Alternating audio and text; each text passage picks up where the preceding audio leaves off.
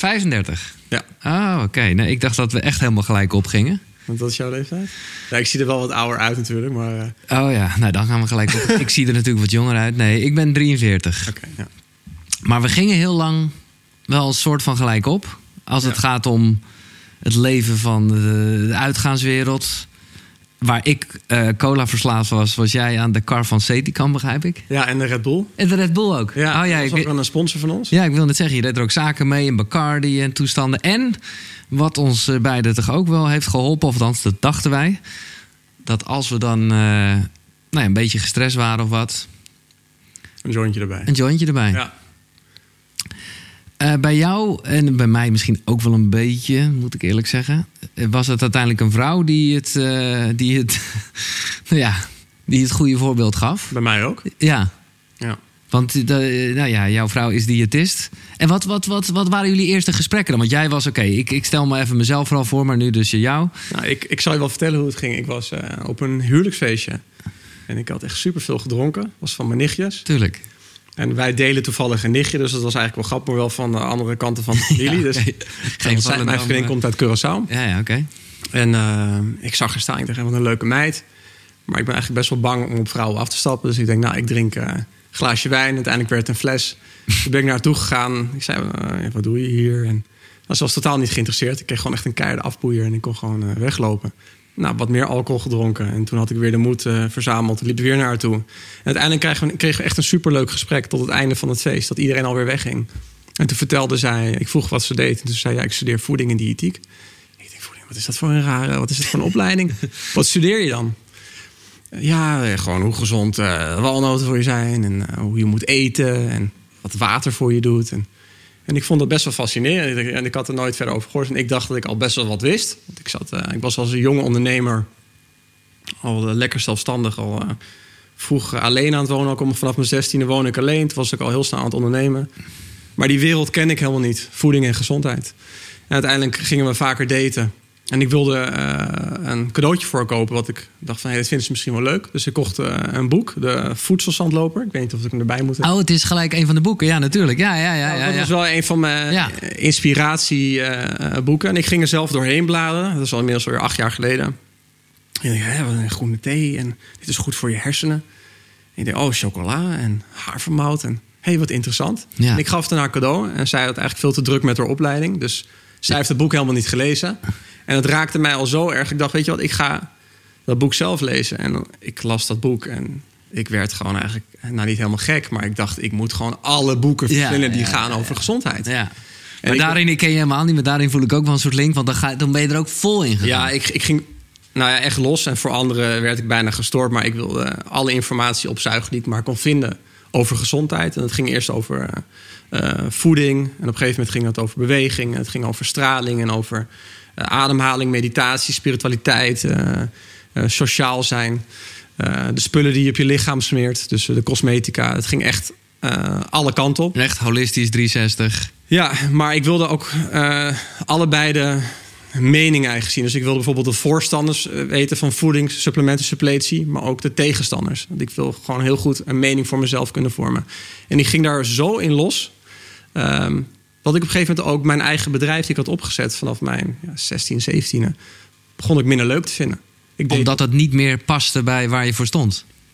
Nee, het stond op een gegeven moment zo ver weg van me. Ik deed dat van, ja, al zo lang. Eh, Het was echt nachtleven, dus uiteindelijk slecht slapen. Je gaat vier, vijf dagen in de week naar clubs, naar festivals. eh, veel alcohol, veel drugsgebruik. Ik sliep super slecht, dus ik had altijd een, eh, een, een jointje nodig om echt in slaap te komen. Dat heb ik gewoon jarenlang gedaan. Op een gegeven moment was ik bijna 24-7 stoned. Ja. Dus mijn hersens die raakten een soort van, niet in een lockdown, maar ik kon me gewoon... Ik had soms interviews over mijn bedrijf eh, of in de kranten. En als ik dan moest lachen, ik, kon, ik was zo stoned dat ik zo ontspannen was dat het niet eens meer lukte. Eh, en toen merkte ik op een gegeven moment, ja, ik moet hier echt mee stoppen. ja. Dus na vier, vijf jaar eh, ben ik daarmee gestopt. Ik vind het wel opvallend dat, dat zij gewoon bij je gebleven is. Want het stond er toch ook een beetje haaks op haar kennis. Eh, ja, maar dat was wel een beetje daarvoor. Ja, Dat oké. eh, dat blow heb ik daarvoor al een beetje achter. Ja, oké. dus je was al een beetje op het goede pad aan het raken. Nou ja, ik at heel veel bij McDonald's, Burger King. Eh, Ik had elke avond echt. een diepvriespizza, kant-en-klaar maaltijden. Ik leefde op Red Bull. Ik dacht zelfs dat het gezond voor me was. Ja. Ehm, en dat gaf ik dus ook aan mijn personeel. Ja. Maar ik had een super stressvol bedrijf. Alles ging uiteindelijk om groot te worden, eh, geld verdienen. Op een gegeven moment, eh, ik denk bijna 60 man personeel. Een kantoor in ja, Amstelveen, een kantoor in Lissabon. Vet veel heen en weer vliegen. Ik kreeg op een gegeven moment een bekende DJ als eh, compagnon. eh, DJ Chesto. Dus ik was ook regelmatig in New York. Ja, en dat leven op een gegeven moment veel vliegen, nachtelijke uren, slecht eten. En dan op een gegeven moment krijg je een soort van Eureka-moment. Ik kom een vriendin tegen. Ik lees dit boek. Ja. Ik denk, wat de fuck voor monster heb ik eigenlijk gebouwd? Ja. Weet je, ik ga kinderen promoten eh, om, om Red Bull te gaan drinken. En allerlei reclameuitingen die ik via mijn platform eh, ja, creëerde voor Pepsi. En allerlei bedrijven waar- waarvan ik dacht, die zijn eigenlijk evil. Daar wil ik gewoon niet meer achter staan. En mijn compagnons, dus Thijs zag dat. En ik had nog twee andere compagnons. En die merkten steeds meer dat ik... Ik ging met salades mee naar kantoor. Ik wilde yogalessen gaan doen daar. Ik wilde minder vaak werken. Ik werd steeds wat ongelukkiger. Ehm, ik vond nachtleven ook gewoon niet meer leuk. Ik dacht, ja, ik heb alles al een beetje gezien. Elk festival bekeken. Ik ben in Ibiza geweest, Las Vegas, weet je. eh, what's new? Kende elke DJ bij voornaam. Ze kwamen ook regelmatig over de vloer. En ik dacht, ja, dit is niet meer mijn leven. Nee. Weet je, dus eh, op een gegeven moment dacht ik, eh, ik stop ermee. En toen ik dat vertelde, kwam het wel echt als een shock binnen. Ehm ze Ah, hadden ja. het niet verwacht dat, dat ik mijn kindje zo in de steek liet. Nee. Ehm, en toen zeiden mijn ouders ook, ja, wat ga je dan doen? Ja, ik zei, ja, ik kan altijd vakken vullen, ja, ik kan alles doen. Ik, maar ik ga hiermee stoppen, het maakt me doodongelukkig. En ik werd daar, ik kreeg zoveel stress van mijn bedrijf... dat het op een gegeven moment, ja, het is natuurlijk tandenknarsen. Dus ik was heel erg aan, in een malende avond. eh, ik kon maar geen rust vinden. Ik had super veel last van eh, allergieën ook. Het werd ook alleen maar meer. Dus ik slikte ook steeds meer medicatie om mijn symptomen die ik had eh, een beetje te onderdrukken. En toen ik uiteindelijk de knoop had doorgehakt, ging dat heel snel. En wauw, mijn leven en mijn focus kon meteen ook heel erg op gezondheid zijn. Ja. Dus ik ging als een autodidact mezelf vastbijten in elk onderwerp.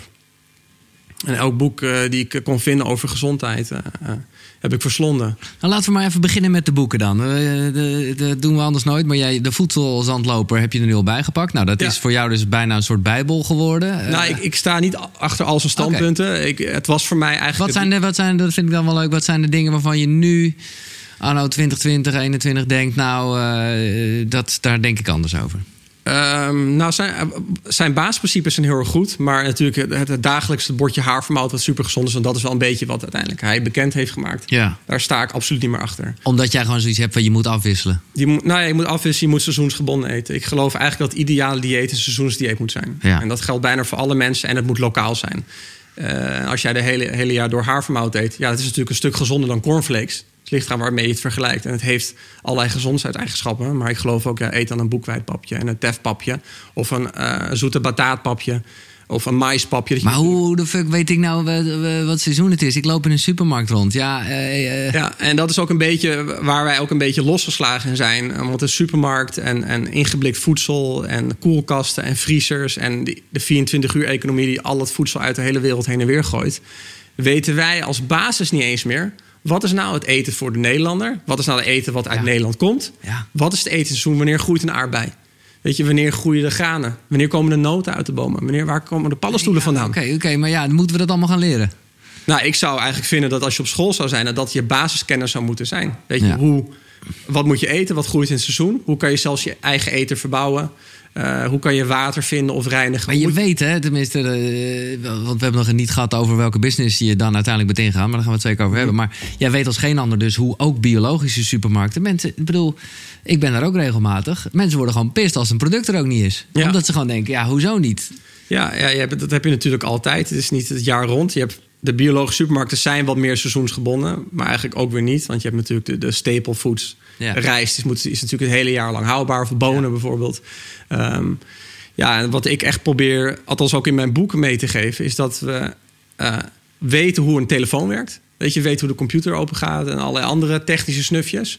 Maar als alle elektriciteit vandaag zou uitvallen, weten de meeste mensen begon niet hoe ze moeten overleven. Of Nee. gewoon niet wat in onze basisevolutie hoort.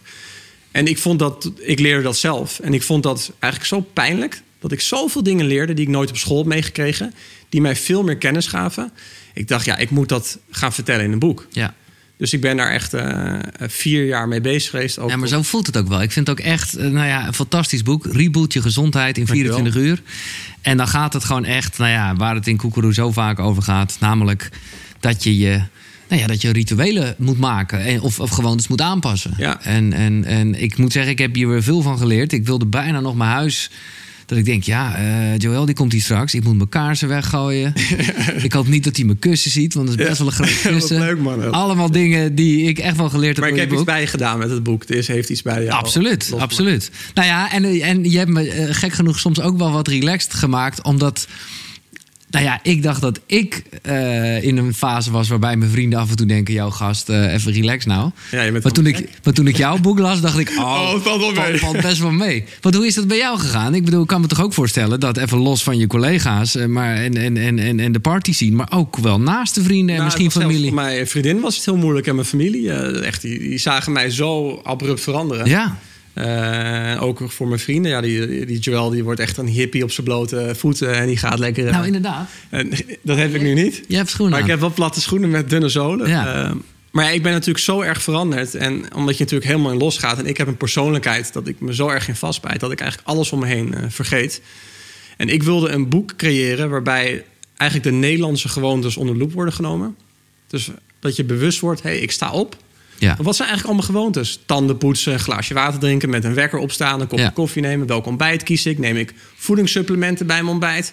Wat voor schoenen trek ik aan? Kleding? Op een gegeven moment zit ik op mijn werk. Wat Ja. doe ik op mijn werk? En zo leest het boek ook, hè? Van, Ja. van, van ochtend naar de avond. Van ochtend tot avond. Eh, en, en dat miste ik bij alle boeken die ik, heb gelezen. En ook eh, dat elk boek gaat over één onderwerp. Het gaat over een hormoon wat verstoord is. Ja. Dat, is het, oh, dat is het ultieme. Je moet je hormoon fixen en dan heb je alles goed gedaan. Nee, je moet eh, richting het paleo-dieet. Ja. Nee, je moet veganist worden. Nee, je moet alleen maar schoon water drinken. Ja. Elk boek verkoopt zijn eigen summum van dit is het. En elke keer dacht ik het ook. Ik heb de gauw gaal. Ik word veganist. ja. En ik ga raw leven. En ik ga het Atkins Je hebt het allemaal gedaan. Alles geprobeerd, alles Ja. gedaan. En dan realiseer je... eh, het, eigenlijk slaat dat helemaal nergens op. Ik bedoel, ze hebben allemaal hele goede kern gezonde punten. Die, eh, die overlappen elkaar heel erg. Eh, maar gezondheid is niet één ding. Nee. Gezondheid is echt super holistisch. En moet je op alle facetten aanpakken. En Ja. mijn boek had een bijbel kunnen worden van 40 boeken boven elkaar. Maar ik wilde gewoon heel kort elk onderwerpje een beetje uitlichten. Ja, natuurlijk kunnen sommige onderwerpen veel breder Ja, uitgelegd nee, worden. natuurlijk. Maar je stipt iets aan. En, eh, Ja. nou ja, dat gaan wij ook zeker eh, hier de, de, de komende uur doen.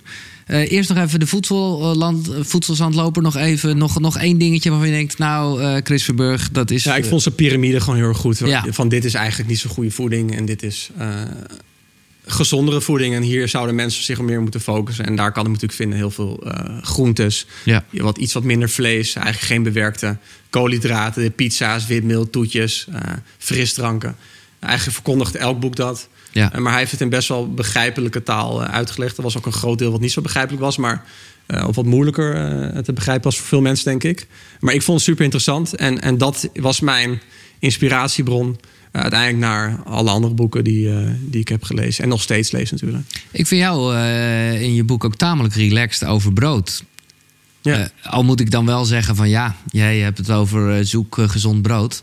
Nou, het is wel moeilijk te vinden, moet ik zeggen. Ja, nou, dat, dat valt wel mee. Ja, ik heb ook celiakie, dus ik heb ook een auto-immuunziekte... dat ik helemaal geen gluten en tarwe kan nee, nee, oké. verdragen. Daar ben ik een paar jaar of twee jaar geleden achtergekomen door zelfonderzoek. Ik denk, waar komen die allergieën eigenlijk Mhm. vandaan? Waarom is mijn immuunsysteem zo overprikkeld? Oh, dus het is niet zo dat zeg maar alles als sneeuw aan de horizon verdween nadat jij wat gezonder ging leven. Nee, ik ging gezonder leven. Ik kon mijn medicatie bijvoorbeeld echt volledig in de prullenbak doen. Dus mijn astma-inhalators, mijn allergiepillen, mijn corticosteroïdenprik die ik eh, elk half jaar in mijn billen kreeg. Dus ik kon heel, echt heel veel medicatie laten. Ehm, maar op een gegeven moment, ja, je hebt ergens een disbalans in je immuunsysteem zitten. Ja. Bij mij bleek dat dus gluten te zijn, waar ik, want dat at ik gewoon jarenlang, dag in, dag uit. Of het nou de pizza was of de broodjes bij mijn moeder in het weekend. Eh, en mijn lichaam kreeg daar een reactie op. ehm, wat echt gewoon averechts werkt. Dus ik ben er ook eh, volledig mee gestopt. Af en toe eet ik wel eens een pizza of Ja, ja, een biertje. Want je moet eh, wel een beetje genieten van het leven. En ik geniet ook af en toe van een pizza. ja. Ehm, maar over het algemeen, ja, als ik weer terugga naar brood. Ja, je moet heel goed de ingrediënten lezen. ja. En ambachtelijk brood maak je het zelf het beste thuis. Maar er zijn echt best wel goede merken en partijen. eh, bij een Ecoplaza kan je hele goede eh, broden, zuurdesembrood vinden. Wat ook op een mooie manier is gefermenteerd. Wat met goede biologische melen die steengemalen zijn.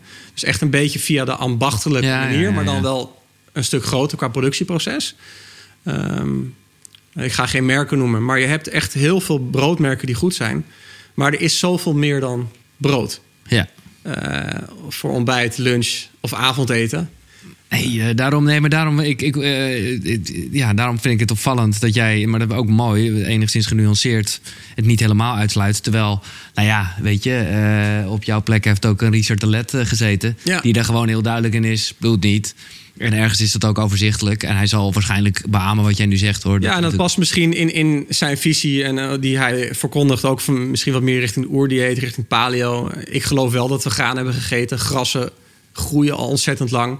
Er zijn ontzettend veel bewijzen gevonden dat wij met onze kaken aan het malen waren op, op granen. En dat gaat echt tienduizenden jaren geleden en ver daarvoor ook nog. Eh, de Maya's hebben ontzettend veel op quinoa geleefd en mais. Dat is al heel lang. Dus we hebben al best wel veel op granen geleefd. Maar in het seizoen. Ja. En dat is denk ik een heel Ja. groot verschil. Ja. Wij eten nu jarenlang achter elkaar, dag in dag uit, brood. Al is dat gezond brood. Op een gegeven moment is het, uh, is het een overbelasting van je immuunsysteem. Elke keer als jij iets eet, dan prikkel je immuunsysteem. Maakt niet uit of het gezond voedsel Dus hoe is. gezond het ook is, je kan het nooit het hele jaar door eten. Nee, nee, want zo heeft- Behalve, behalve water misschien nou ja, drinken. sommige dingen zou je het hele jaar kunnen eten afhankelijk waar je woont. Bijvoorbeeld vlees, eh, of je woont bij eh, de kust in de buurt. Je zou het hele jaar door vis kunnen eten. Ja. Mits dat bij jou past. Mits dat is waar jij ook is het lokaal. Eh, komt het ook uit het seizoen op dat moment? Kan je op dat moment zijn er welke vissen zijn op dat moment in die regio of welk vlees? Ja. Maar daar ben ik wel wat genuanceerder in. En ik, ik, misschien choqueer ik nu alle veganisten. Nou ja, de, je- toen jij begon over de kaak, eh, dacht ik al, ja, dat krijg je natuurlijk. Hè, daar verschillende meningen ook over. Of wij überhaupt de kaken en sowieso het hele systeem hebben om vlees of vis te verteren. Nee, we zijn hier nog steeds in leven. nee, Dus ja. het lijkt me wel, we hebben heel goed kunnen voortplanten. Heel veel generaties hebben prima geleefd. Eh, alleen het laatste honderd jaar is het eten zo ontzettend veranderd en bewerkt. eh, dat veel meer mensen ook chronische klachten ondervinden. En het is niet Ja. alleen van het eten. Het heeft natuurlijk met veel meer ja. te maken. Stress en eh, ja. ja, stress en de, de toxische belasting van de maatschappij. Ehm, Maar hoe vaak eet jij vlees of vis? ehm, bijna dagelijks. Oh, Ja, ja. Maar ik eet superveel groentes. Ja. Bijvoorbeeld mijn ontbijt kan een hele pak sojastrong zijn. ja. ja, ja. Met, eh, ja, kan een klein beetje kip zijn. Het kan eh, kippenlever zijn. Het kan een stukje vis, vlees zijn. Dat maakt mij niet zoveel uit. En soms is het. Oh, maar dat vind ik wel veel hoor. Ja, en soms is het. eh, Maar heb je dan niet gemerkt... ja, sorry, ik maak je zin. Ja. Soms is het... Nou, het is niet dat ik continu bij elke maaltijd vlees eet. Nee, oké. Maar ik kan wel dagelijks vlees eten. Of een eitje of Ja. iets wat een dierlijke oorsprong Maar heb je dan kan niet- ook dagen gewoon Even niet. planten eten. Ja, en ja. fruit eten en granen. Maar heb je niet in alles... eh, je vertelde van ik heb alles even geprobeerd. Eh, merkte je dan niet dat... En ik moet zeggen, dit is vooral een beetje projectie. Want ik zelf werd heel gelukkig van, van vegan. Ja. Op een gegeven moment miste ik het dus wel echt. Ja. Maar in de basis had ik wel zoiets van... Oh ja, eh, voor, voor 80, 90 procent is dit... Plants all the way. Ja, ja, dat, en daar, daar ben ik. En dat voor mij is ook mijn bord. Is bijna ook plants all the way. ja. Dan aangevuld met ja, noten, paddenstoelen, zeewieren, vlees. eh, weinig fruit eigenlijk. Ja. Ehm, planten moeten ook het een merendeel vertegenwoordigen van je maaltijd. Omdat, eh, eh, maar ik ben niet volledig voor 100% veganisme. Nee, dat ben dat ik ook heel duidelijk geweest in mijn boek. Ja. En waarom? Nou, ik probeerde ook. Want elk boek dat je leest over veganisme of over paleo, dan denk je ja, ik word veganist of ik ga als een paleo eh, Mhm. oerman leven. Maar ik probeer het heel logisch te beredeneren. Je wordt niet als veganist geboren. Je wordt als vegetariër geboren. Je drinkt moedermelk, lekker aan de borst. Ja. Nou ja, en als, jij dat, als dat al proces al niet eens was. Dus je bent al niet eens een veganist bij geboorte. Nou, ik ken wereldwijd, geen, heb ik nooit kunnen vinden... en alles wat ik heb lopen opzoeken... is er geen generatie veganisten... die bijvoorbeeld twee, drie eh, generaties heeft kunnen voortplanten. Dat bestaat niet. Dus het is heel erg nieuw. Eh, en daarnaast, ja, veganisme vaak tekorten. Of nou B12 is, keratine, eh, ijzer, omega-3, vetzuren. Bepaalde andere dingen die niet goed door planten worden gebracht... in het menselijk lichaam of goed opneembaar zijn. Dus je loopt allerlei tekorten op. Dus als jij al in de basis suppletie nodig hebt om gezond te zijn... dan is het al geen goed dieet voor Nee. je. Ik snap nu wel in deze tijd hoe veganistisch leefstijl super belangrijk is. Natuurlijk het omgang van de dieren. De Ja, ik kan het zeggen, dit is alleen maar uitgaande van jezelf. Wat ik, wat, even- ik, wat ik belangrijk Ja. vind hoor. Ja, dus dit is even de gezondheid voor jezelf. Ja. Ik geloof niet helemaal volledig in veganisme, maar wel zoveel mogelijk plantaardig. Maar als je kijkt voor de planeet, wat is het beste? En uiteindelijk voor de dieren en het ecosysteem. Ja, dan zou je eigenlijk zo min mogelijk dieren moeten eten. En als je sociaal wilt leven voor de mensen om je heen en de aarde. Ja, dan is veganisme natuurlijk fantastisch als Ja. je het kan volhouden. Ja. Nee, maar de grap is, en dat vind ik ook mooi. Jij bent zelfs ook nog kritisch over groenten. En fruit zei je net al even, niet te veel fruit, begrijp Ja. ik. ja, Toch? want als jij, ik weet niet of je nu fruit in je koelkast hebt liggen. Nou, niet in mijn Als jij, stel je hebt blauwe besjes of Ja, ja, ja, zeker. Heb ik in mijn koelkast liggen. Nou ja, ik eh, heb veel wilplukkers gedaan. Dus dan is het heel interessant om te zien wat, wat komt er eigenlijk uit de natuur. En hoe hebben wij het eigenlijk gecultiveerd of gehybridiseerd of uiteindelijk het veranderd. Dus maar is elke dag blauwe bes ook niet goed? Nee, oké. nou, je, kan, je kan zure of zuur fruit zou je dagelijks kunnen eten. Ik bedoel, ik heb daar niet die onderzoek over gezien dat het heel slecht voor je is. Maar mij gaat het ook weer om blauwe bessen groeien maar een paar weken in het jaar. Ja. Dan gaan we ze allemaal opeten. Dan eten ze met elkaar of in de community. En daarna is het ook gewoon klaar met het seizoen van de blauwe bessen. Daarna volgen misschien de braampjes. Daarvoor misschien de wilde bosaardbei. Ja. En op een gegeven moment heb je een appeltje, een wild appeltje of een wilde perenboom. En dat was dus het seizoen van fruit. Nu is fruit veel groter. Een blauwe bosbes bij de bekende supermarkt Ja. is vijf tot tien keer zo groot als de wilde bosbes. Het is niet rondom en van binnen heel mooi, ja, zwart, paars. Omdat het in een kas eh, gebeurd is, of eh, wat? Niet alleen in de kast, het kan ook gewoon in Spanje groeien, in, Ja, in de zon. Ja. Maar het wordt zo snel gecreëerd met kunstmest ook bijvoorbeeld vaak als het niet biologisch is. Dus het wordt veel groter gemaakt. Het wordt eigenlijk gecreëerd, het fruit, om veel, dat het zoet is, veel suikers bevat, voor de snelheid. Ehm, dus je krijgt een stuk fruit binnen wat veel meer suikers bevat. Wat niet meer dezelfde vitamine en antioxidantenwaarde bevat van het wilde variant. Eh, dus mensen krijgen op een gegeven moment ook uit fruit een suikeroverdosis. We horen nu allemaal, ja, suiker is hartstikke Ja, slecht. ja, ja. Maar als je elke dag heel veel bananen en mango's eet... mango's die uit Dominicaanse Republiek worden verscheept... en die dan helemaal eetrijp zijn... die je elke dag of het hele jaar door kan eten. Met ananas erbij en aardbeien die gigantisch zijn... waar vaak ook niet eens smaak aan zit. Nee. Maar die eet je en denk ja, ik ben eh, gezond bezig. Nee, maar uiteindelijk... Het is beter dan de Mac in ieder geval. Het is, nou, het is veel beter dan eh Ja. Fruitella te eten. Nee, ja, precies. Of, eh, of, Nee. Ja. Maar je kan er ook in overdrijven. Ja. En, en, en dus als je fruit eet, raad ik ook in mijn boek aan, kijk dan gewoon wat zuurder fruit. Dus het kunnen duindoornbessen zijn, aalbessen zijn, de grapefruits. Gewoon de fruit met wat een lager su- suikergehalte. Want fruit eten is gewoon heel erg lekker, maar overdrijf het niet. Nee. Want uiteindelijk krijg je ook suiker binnen en wordt het ook omgezet op die manier in je systeem. Supplementen komen we nog op terug. Eh, want je zegt, je zegt zoveel en eh ja, fantastisch. Nee, nee, love it. Eh, tot zover de voedselzandloper. Of wil je nog een kleine kanttekening maken? Want ik Nee, ja, ik, ik ben blij dat ik dit heb gelezen. En, Ja. Ja, het was een mooi boek. Oké, een ander boek. Ik ben namelijk benieuwd in welke stilo jouw boeken zijn. Of heb je allemaal alleen maar eten in de Ja, etenboeken? Ja, eten. Ik had, dacht van ja, welke kanten wil ik opgaan? Ja. Ehm, eh, dit boek heeft mij wel heel erg geïnspireerd, omdat dit echt gaat, wat ik al zei, over het lokaal seizoensgebonden voeding. Weston A. Price. Weston A. Price. Eigenlijk zijn er heel veel mensen die eh, richting het oerdieet paleo, die hebben hem een beetje als de goer eh omschouwen. Zeg. Maar hij is tandarts en kaakchirurg? Dan als kaakchirurg al heel lang geleden. En wat hij deed, hij ging naar allerlei inheemse stammen. Ja. Hij ging kijken wat eten zijn, hoe komt het dat zij gezond zijn. Dus mooie kaken, dat de verstandskies niet getrokken Oh, hij doet worden. het ook echt op basis van zijn specialiteit. Ja, het ja, is ja. super eh, uitgebreid. Eh, het is heel hele droge stof. Ik vond het hartstikke leuk om te lezen. Eh, maar dan zie je ook, hey, wat is voeding wat bij de mens past? Wat is voeding wat seizoensgebonden hoort te zijn? Maar dan heb ik het ook over seizoensgebonden per regio. Want in elk land of in elke streek is een ander seizoen. En groeien ook natuurlijk weer andere producten. Eh, en dan zie je ook, als je overstapt als inheemse stam... en je stapt over op het westerse voeding... Mhm. witmeelproducten, eh, cola... dan zag hij in die generaties tijd... zag je ook bijvoorbeeld dat de kaken vervormden... Ja, ja, ja. botdichtheid veranderde. er Oh, kwamen zo, meer gaatjes, meer tandvleesproblemen. Verstandskiezen gingen op een andere manier groeien. Dat heeft hij gewoon heel goed vergeleken met elkaar. Je ziet, ik heb wat dingen ook daarin. Ja, ja, ik zie je wat dingen gehighlight, maar ook dingen. Ik lees nu alweer even, maar ik was ook te luisteren hoor. Maar spinazie bijvoorbeeld. Dat eh, de calcium wat daarin aanwezig is, niet bruikbaar is voor kinderen.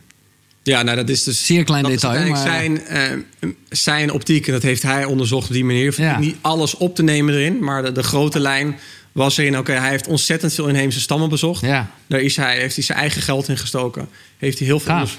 En, en daar heeft een, een dik pakwerk uitgekomen waar ik heel veel van heb geleerd. Eh, En je ziet ook hele mooie foto's Ja, van ja, kaak ja. en tanden. En wat uiteindelijk ook gebeurt als je slecht gaat eten.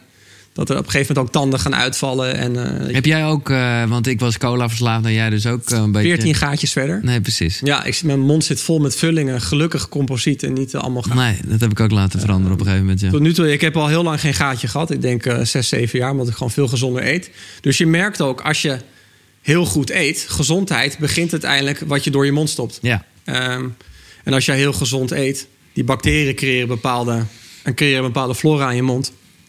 En natuurlijk is poetsen, goed stoken en flossen hartstikke belangrijk. En daar gaat dit boek eh, ook een groot deel over van hoe kan je een gezond gebit creëren. Maar het begint uiteindelijk, een gezond gebit begint uiteindelijk wat je in je darmen. tuurlijk. eh, Dat is de in je brandstof, ja.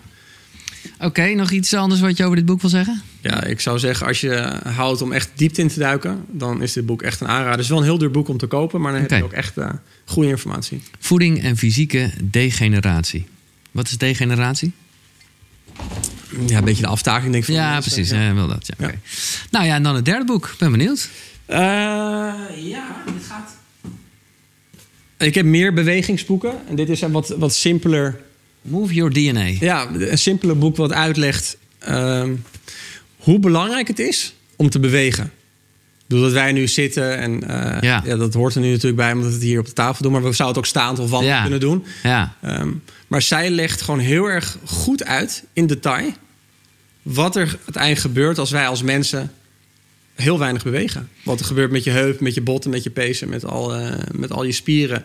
En dat je uiteindelijk ook je lichaam vervormt in een bepaalde. Ja, eigenlijk zijn we allemaal luiaards geworden. ja. We zitten de hele dag. Nee, maar dat is echt... Ik bedoel, ik hoop echt nog dat ik de tijd ga meemaken... dat het in ieder geval op scholen niet meer gebeurt.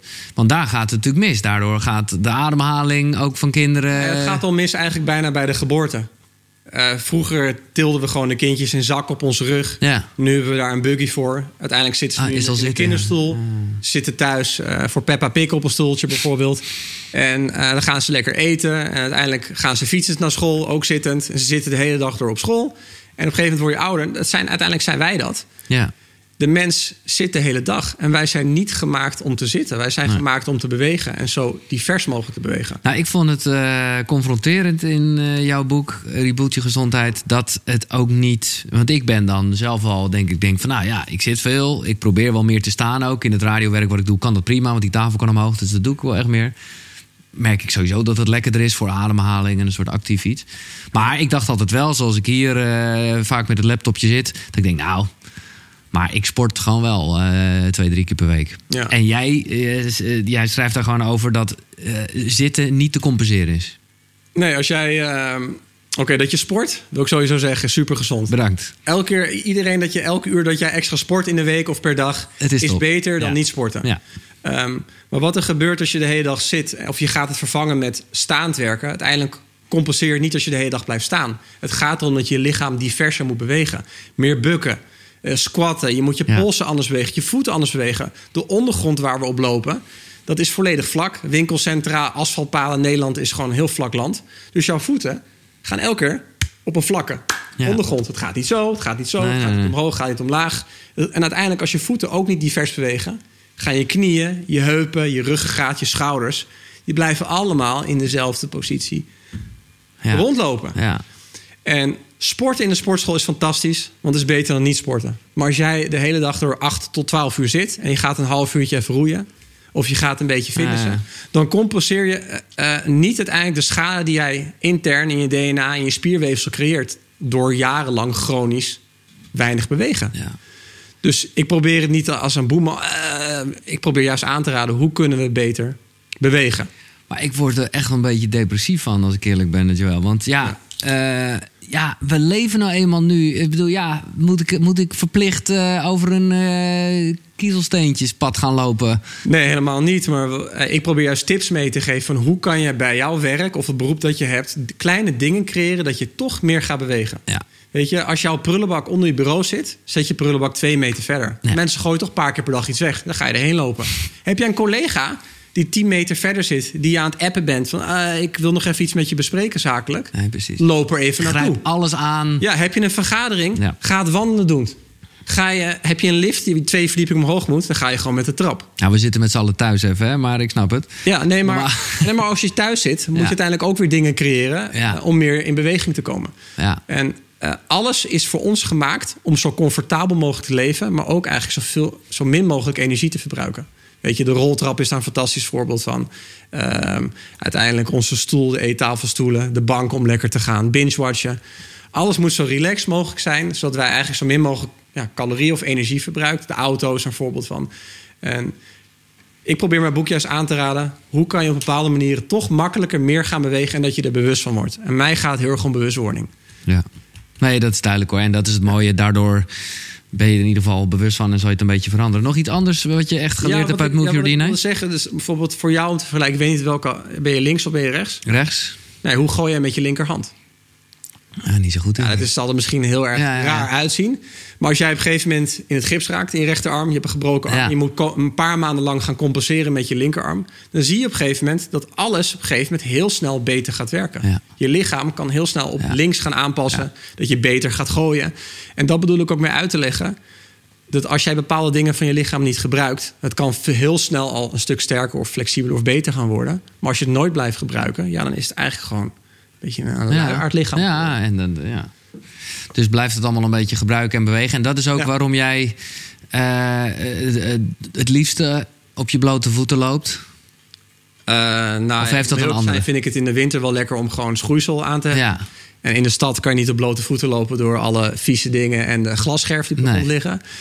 Maar ik raad aan als het kan eh, en je hebt een tuin of je bent op het strand of je ligt in een park, trek je sokken uit, je schoenen uit en ervaar eh, de aarde. ja. En dat klinkt misschien hartstikke zweverig. Nee, maar ik ben blij dat het eindelijk een beetje zweverig klinkt. Want ook dat is Oké. koekeroe. En dat vraag ik me. Dat, dat, en ik snap het hoor, want jouw boek is gewoon zakelijk als hel. En, eh, maar ik, ik vraag me wel af, en daarom was ik ook benieuwd naar je boeken. Maar die zijn allemaal volledig in de Reboot Je Gezondheid eh, spirit. Maar hoe, ja, het is een wat open grote vraag, maar hoe spiritueel ben je? Eh, nou, eigenlijk best wel behoorlijk spiritueel. Nou, als ik, omdat ik het al heb over aarde vanwege gezondheid. Wij zijn energetische wezens. We stralen bepaalde energie uit. Soms komen er mensen binnen wandelen en dan voel je meteen een bepaalde energie. Dat kan positief of negatief zijn. Ehm, wij leven op elektriciteit.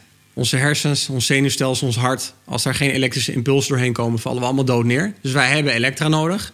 Net zoals dat jij, als jij hartstilstand hebt, dan hebben ze hebben een apparaat nodig uiteindelijk om je hart weer te laten pompen en te laten bewegen. Ehm, als je geluk hebt tenminste. Ja. Eh, en ik ben wel een stuk spiritueler geworden door mijn ervaringen. Denk ik ook met de paddenstoelen die ik heb gebruikt. Dat vond ik een fantastische ervaring. Ehm, Wat gaf het jou? Wat bracht het jou voor een inzicht? dat, er veel, dat er eigenlijk veel meer is dan, dan ik. Dat er Ja, ja, ja. energieën zijn, dat er hele diverse entiteiten zijn die waarschijnlijk dingen voor je regelen op energieën. Meerdere dimensies, zeg ja, maar. is, er, is er een God? Misschien wel, ik weet het niet. Eh, wordt je leven gestuurd op een bepaalde manier? Ik, ik denk van wel dat je leven ook maakbaar is als je er zelf in gelooft. Ik geloof heel vaak als ik dingen wil, over dingen heel lang nadenk, opeens manifesteert dat. En het is bij mij zo vaak gebeurd dat ik denk, dit, dit kan eigenlijk niet meer normaal. Dit, Nee. dit kan ik niet, niet verklaarbaar zijn. Ehm, en de, ja, bijvoorbeeld de aarde waar we op leven, dat is zo spiritueel met elkaar verbonden. En de dieren en de planten. En ik vind dat we daar veel te weinig bij stilstaan als mensen. En dat we echt meer zien, oké, wij zijn verheven. Wij zijn de mensen. Maar ik probeer ook in mijn boek te zeggen, we zijn mens-dieren. Ja. We zijn gewoon dieren. We zijn net zoals een koe of een varken. Maar Ja. we kunnen op een andere manier denken en communiceren met elkaar. We zijn- En we kunnen koken. Nou, fantastisch. Maar we zijn eigenlijk allemaal gelijkwaardig. En dat beeld is gewoon helemaal scheef gegroeid. Dus de- de spirituele verbinding met de aarde, met de dieren, met eigenlijk alle levende organismen om ons heen. En dat zorgt uiteindelijk ook voor dat onze wereldbol eh, een beetje naar de kloot gaat ja. langzamerhand. Nou ja, niet zo'n klein beetje. natuurlijk. Ja. En eh, jij noemde al eventjes, we zijn allemaal eh, elektriciteit noemde jij het, de straling, magneten, Ja. hoe je het wil. Daar, daar gaat het ook over in het boek, dus ik ken het antwoord op de vraag. Maar hoe, hoe, hoe kijk je aan tegen straling dan? Straling is iets heel natuurlijks. Weet je, we hebben, we hebben de, de zonnestraling al bijvoorbeeld. Ja, Alleen het verschil is wat we nu hebben natuurlijk, we hebben natuurlijke straling. Wat gewoon altijd om ons heen is geweest.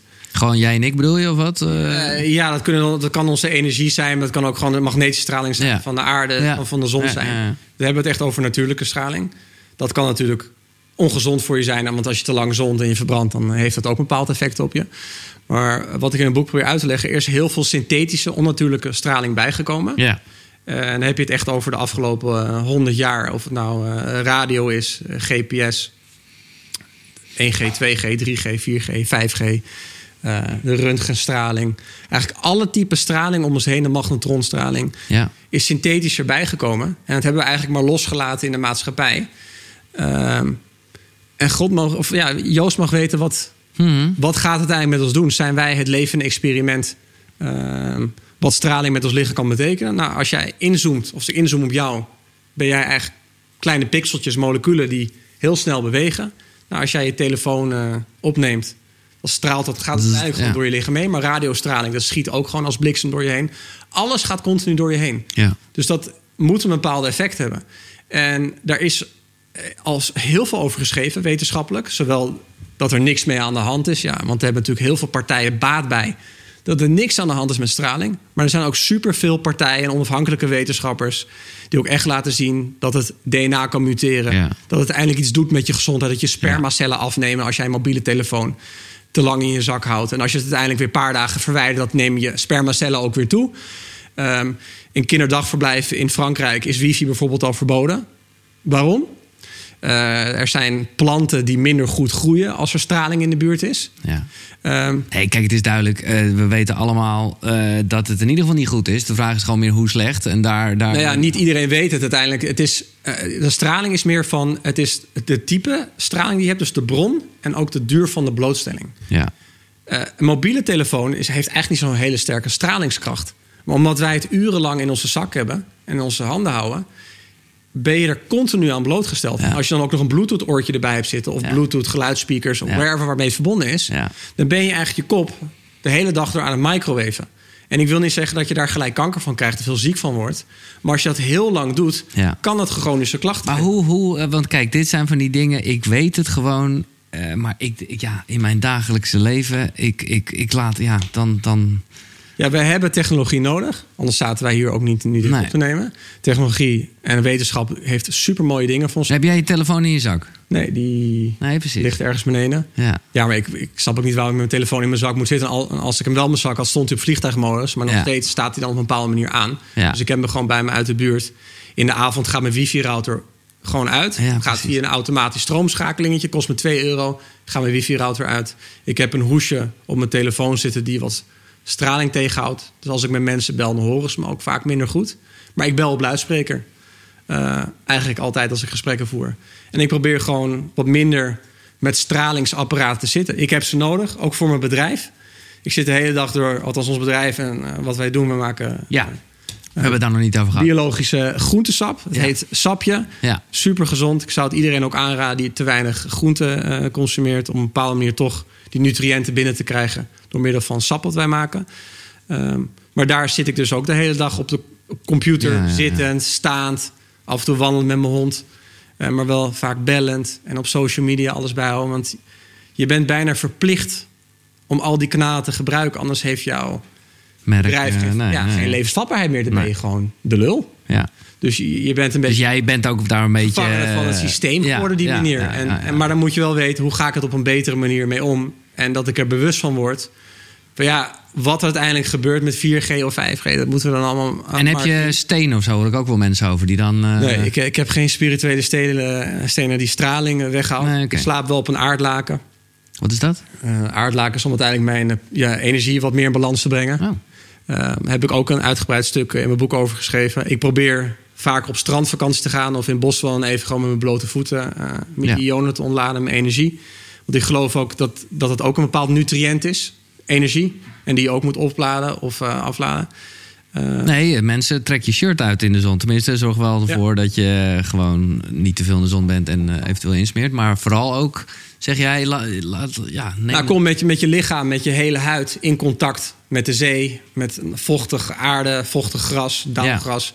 Dat is gewoon super belangrijk. Want we lopen binnen de hele dag op laminaatvloeren. Heel statisch is dat. We hebben plastic kleding aan. Is heel statisch. Ja. Ehm, dus je moet je op een bepaalde manier ook eh, ontladen, noem ik het even. En dat kan je heel goed doen met aardenergie. En daar zijn je voeten, die hebben meer dan 8000 Ja, zenuwen uiteindelijk. Zijn er fantastisch voor om dat te doen. Ehm, Ja, er is één ding en ik weet, tenminste denk te weten dat je het niet zo bedoelde. Maar zeker als je nog zegt dat jouw vrouw uit Curaçao komt. Wat ik echt een gek stukje vond. ja.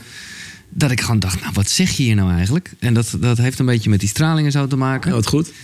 En dan gaat het over vitamine D en alles. En dan heb jij het over...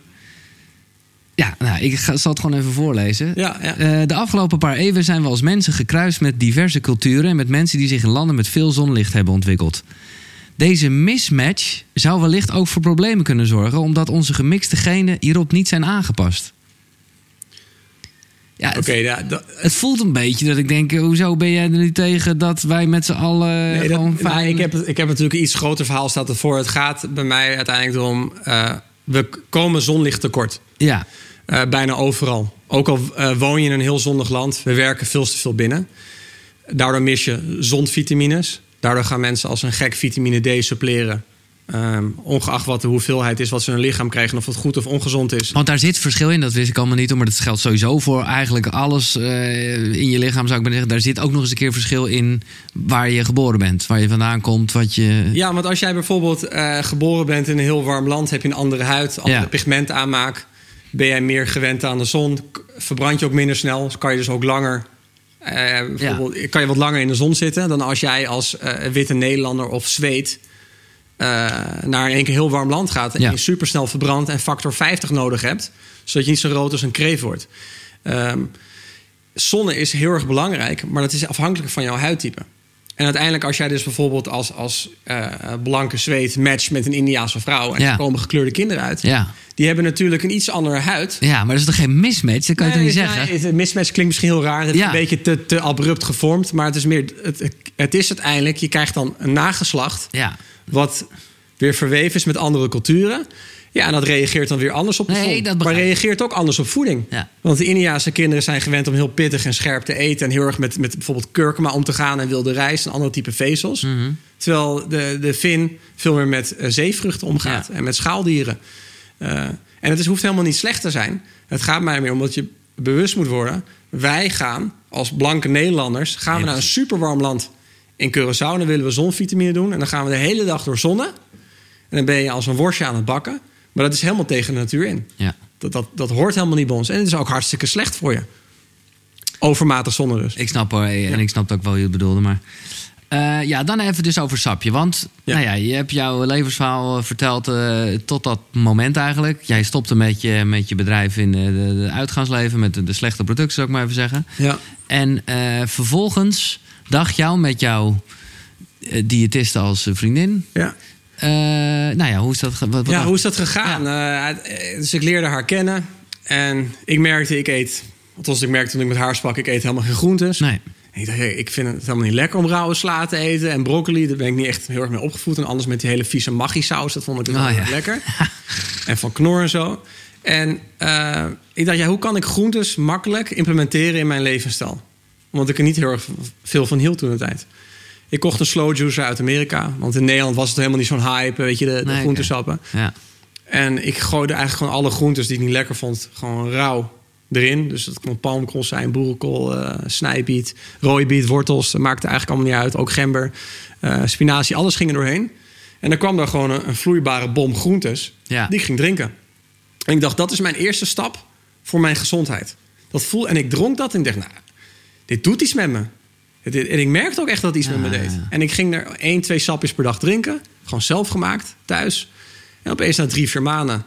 Hé, ik heb geen astmijnen later meer nodig in de avond. Dat is raar, maar ik heb niet zoveel dingen veranderd. Alleen maar, ik ga heel veel vloeibare groentesap drinken.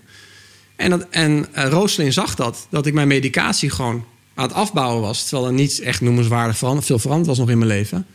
Ehm, en ik begon, en zij zag dus, hé, hey, dat is goed. Waarom leer ik dat niet op mijn studie bij voeding en diëtiek? Dat het zo'n impact kan hebben dat je dus medicatie eventueel misschien zou vervangen of ondersteunend zou kunnen werken. Dus zij zag daar een business idee in. Dus ze was, eh, kwam uit de douche. Ja, ik heb zat een idee. Ik ga die sapjes die jij maakt, die ga ik verkopen. En ze heeft heel vaak ideeën.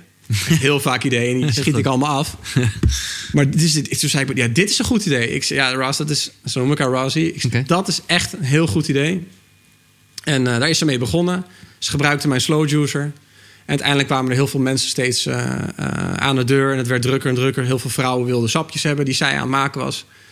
En ik dacht, wauw, oké.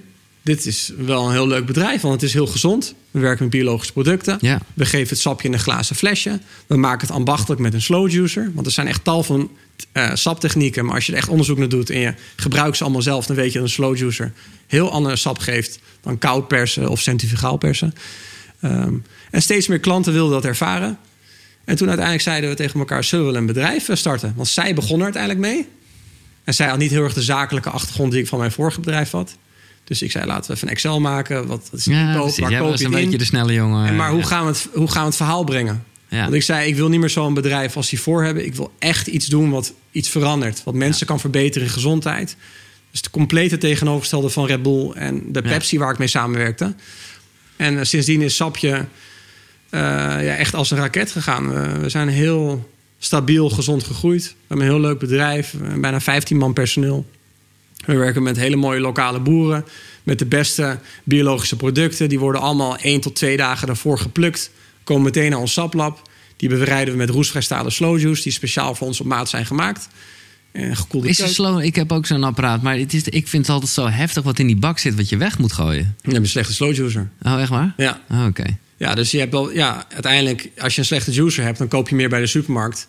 Heb je veel meer pulp en vezels over. Maar dan moet ik altijd zeggen, je maakt geen smoothie. Je maakt uiteindelijk een vloeibaar Ja. groentemedicijn. Ja. Dus je onttrekt wat wij eigenlijk met onze kaken doen. En dan kunnen mensen zeggen, ja, dat is goed of slecht. Maar je onttrekt heel veel vitamine en mineralen en allerlei nutriënten en enzymen. Die komen uit die planten.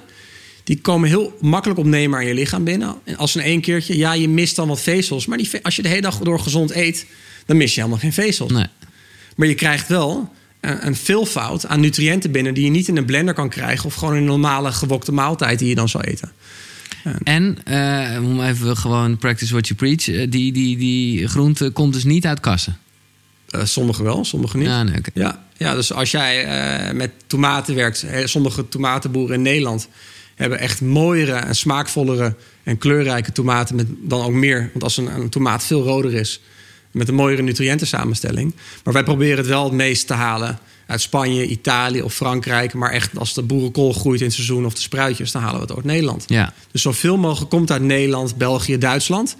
Ja, en wat niet anders kan, ja, citrus, om het toch een beetje een smaak te geven, komt eh, ja, uit Italië, Griekenland. Maar dat is dus ook, ja, ik ben er blij mee als klant, maar ik zeg het meer op wat jij eerder zei. Dat is natuurlijk gewoon het hele jaar verkrijgbaar. Het is niet dat ik bij Ja, jullie... maar wij maken wel seizoensgebonden sappen. Oh ja, Dus ja gewoon eh, extra. Ja, ja. Dus wij krijgen dan een mailtje van de boeren binnen van... hey, dit werkt dan niet. Eh, dit kan je gewoon nu maken. Dan, eh, ja, van, oh, we hebben nu geen groene snijbiet. We hebben wel andijvie op dit moment lokaal. eh, dan zeg ik, nou, dan wil ik andijvie hebben. Dus wij passen meteen onze sapjes aan. Eigenlijk dagelijks en wekelijks. En daarom leveren wij sappen ook niet meteen vers uit, maar vriezen we het in. Ja. Dus wij maken het watermeloensapje alleen maar in de zomer. Dus het is gewoon een maand Oh, beschikbaar. zo is dat. Ja, ja. En dan persen wij de watermeloenen. Dan vriezen we het in, want je bevriest gewoon de nutriënten. Ja. En dan drink je het wanneer je nodig hebt. Dus zo belasten wij ook de natuur een stukje minder. En we houden natuurlijk ook pulp over. Nou, die pulp gaat naar de geitenboerderij in het Amsterdamse bos. Oh, oké. Mijn dochter drinkt weer die rauwe geitenmelk. Dus voor ons is dat ook weer Ja, ja, ja. de cyclus een beetje gesloten. Die, en die boer Willem die haalt dat iedere week met zoveel liefde op. En, die, eh, en het is leuk dat het ook een plekje krijgt op die manier. Niet Leuk. weggegooid wordt. En dus niet te veel fruit. Niet, ja, onze sapjes bevatten eh, 400 gram groente gemiddeld. Eh, en ja, ongeveer 85% ervan is groente. En 15% is fruit, kruiden en specerijen. En sommige hebben maar 3, 4% eh, fruit. Dus het zijn echt, ja, niet die hard, het zijn wel hele lekkere groentesappen. Sommige hebben ontwikkeld met bekende chefs. Je hebt nu een sap eh, Ja, je met, hebt er met eentje- Johnny en Therese Boer ontwikkeld. Ja. Maar ook een sapje met Ron Blauw hebben we ontwikkeld. Die zit bij ons assortiment. Oh, dit, deze is met die kurkuma. Ja, ja, die is lekker. Ja, en ze worden ook niet voor betaald of zo. Het- Nee. Zij zijn ook klant bij ons privé. Ja. Zij vinden hoe wij sap maken echt hoe het zou moeten. En dat vinden ze ook gewoon leuk om hier aan mee te werken. En wij ontwikkelen dan met hun ook seizoensgebonden sapjes. Ja. Ik vond altijd wel, vind altijd wel. Maar goed, ik snap het. Het is gewoon een makkelijker eh aanleg. Maar ik vind dat er in zoveel appel zit. Appel, nou, we hebben wel, appel de laatste tijd bij veel sapjes al eruit gehaald. Oh, oké. Maar in- niet in alle. Ik denk dat Nee. 40, 50 procent appel in zit. Omdat het toch bij mensen, als je smaaktest doet... Gewoon, ja, ja. vinden appels toch het lekkerst.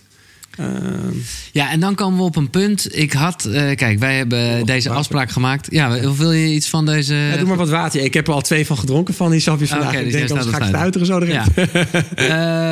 Eh, ik ga even wat water halen. Ik moet ook even plassen. Dus ik ga je een vraag stellen waarbij. Maar ik, dan ga ik nog even niet deze vraag stellen. Want hier wil ik echt op het puntje van mijn stoel zitten. Ja. Ehm, nou, daar komen we hier straks op terug. Dan wil ik even een klein tipje. Dan ga ik water voor je halen. Ga ik zelf ook even naar het toilet. Nou, hoef Ja. ik niet voor de grote boodschap. Maar mocht ik de grote boodschap willen doen. Dan duurt het wat langer mijn gesprek. Nee, dat niet. Oh. Maar dan heb ik daar via jouw boek een, een tip voor gekregen. Nou, je gaat nooit meer normaal naar het toilet. Ja, dus je bent nu bewust geworden hoe je moet poepen. Jongen, jongen, jongen. Ja. Neem de mensen even mee in hoe je zou moeten poepen. Ja, nou eigenlijk horen wij eh, altijd gehurkt te poepen. En eh, eh, van nature, dat is ook een beetje de origine. Als jij poept en je hurkt, dan open je je, sluitspieren. Eh, en ik lul nu tegen het luchtledige, dat is natuurlijk hartstikke leuk. Maar je, je opent je sluitspieren op een bepaalde manier... dat je darmen ook volledig kunnen openen... zodat je ontlasting eigenlijk heel goed eruit gaat. En als je gaat zitten, dan gaan je sluitspieren meer deze kant op in 90 graden... en blijft er altijd wat ontlasting zitten. Je krijgt ook sneller aanbijen, het drukgevoel bij het poepen. En wij zijn gemaakt om hurkend te poepen. Sterker nog, de helft van de wereldbevolking... die poept gewoon hurkend in een gat in de grond... Eh, je beweegt veel meer spieren, je heupen, je kuiten. Ehm, en uiteindelijk wordt het poepen ook veel makkelijker. En gaat het bijna twee keer zo snel dan als jij eh, zittend op een, eigenlijk op je mooie poeptroon in 90 graden ehm, aan het poepen bent. Dus ik raad aan om. Ja, want je kan natuurlijk niet een gat maken in de grond. Dat ziet er ook natuurlijk niet uit. Het hoeft ook helemaal niet. Je toilet eruit slopen, eh, slopen je porseleinen pot hoef je ook niet weg te slopen. dat toilet, precies. Maar wat je wel kan doen, eh, dankjewel, is een verhoging doen onder je voeten. Een soort krukje. Ja, de- je hebt er heel veel. Ja, je, kan, je kan er een boomstammetje of een stukje hout uit je tuin of boeken kan je eronder zetten, whatever wat je prettig vindt. Dat je je knieën een stuk hoger komen, eigenlijk je knieën hoger dan je heupen, Ja. zodat ja, je anus, je sluitspieren wat meer openen ja. en dat je ook wat comfortabeler eigenlijk gaat poepen. Dus eigenlijk wat je zegt is, je gaat boven je mooie porselein, hoe noem je het net, troon. eh, Ja, porselein. ga je, daar ga je boven hurken. Nou, niet, want je zit nog steeds erop, maar je knieën gaan omhoog. Dus er wordt Ah, ja. uiteindelijk de, de beweging die je maakt een stuk natuurlijker. Eh, bijvoorbeeld, ik weet niet of jij ooit gekampeerd hebt... of als je wilt gaan Zeker, kamperen en je ja, kan geen toilet vinden... of je bent eh, naar, nou ja, niet naar Nee, een festival geweest, maar... Dan ga je hurken, ja. En je moet heel nodig poepen. Ja. Je kan niet anders dan hurken. Eigenlijk recht, of dan in 90 graden poepen is heel erg zwaar. Het is Ja. gewoon verre van natuurlijk. Ja. En kijk even, eh, mijn dochtertje bijvoorbeeld, als die poept, doet het helemaal hurkend, zit hartstikke lekker. En eh, dat is gewoon helemaal wat past bij ons als mensen. Althans, wij zijn gewoon dieren. Zo moeten we gewoon poepen. Ja. Ehm, en heel veel mensen hebben poepproblemen. En het is een beetje een taboe of gek om daarover te praten. Ik vind van niet.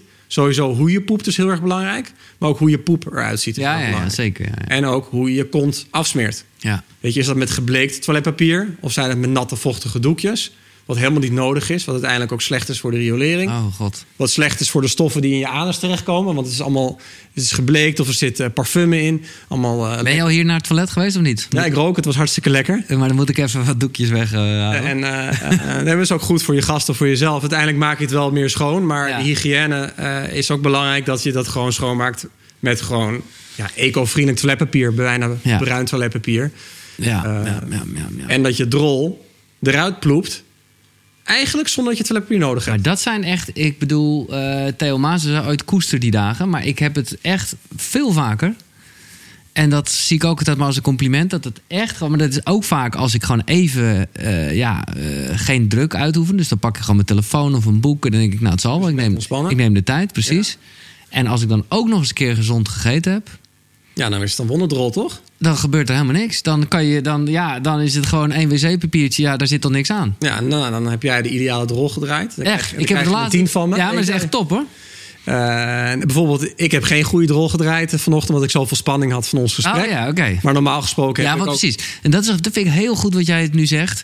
Omdat het dus niet alleen met eten te maken Nee, heeft. eten is, nou ja, ik wil niet zeggen de helft of een percentage, maar eten is maar een onderdeel Ja, ja, ja. van je algehele gezondheid. Jij kan voor 100% fantastisch eten.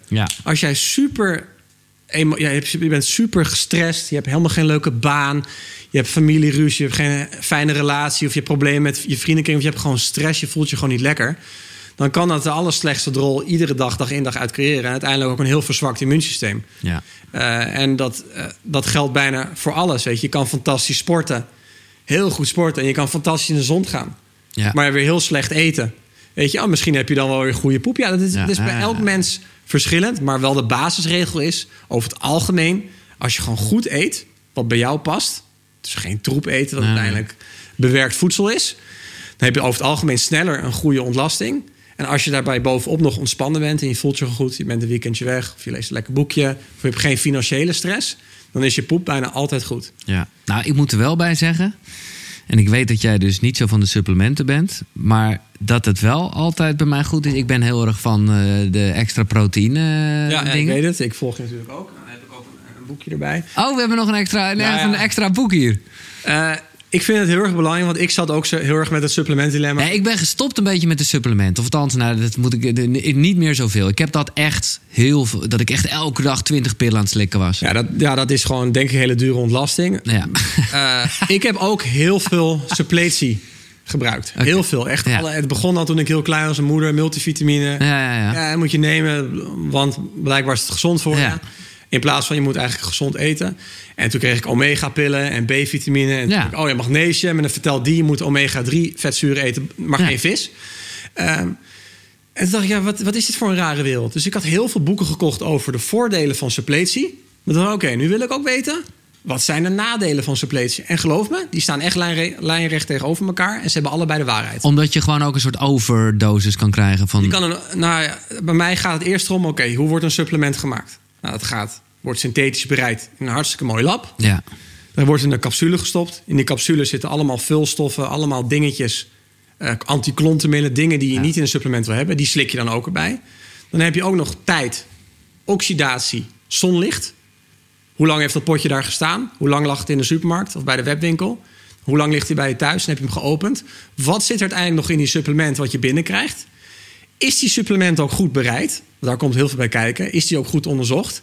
En heb je dat daadwerkelijk nodig?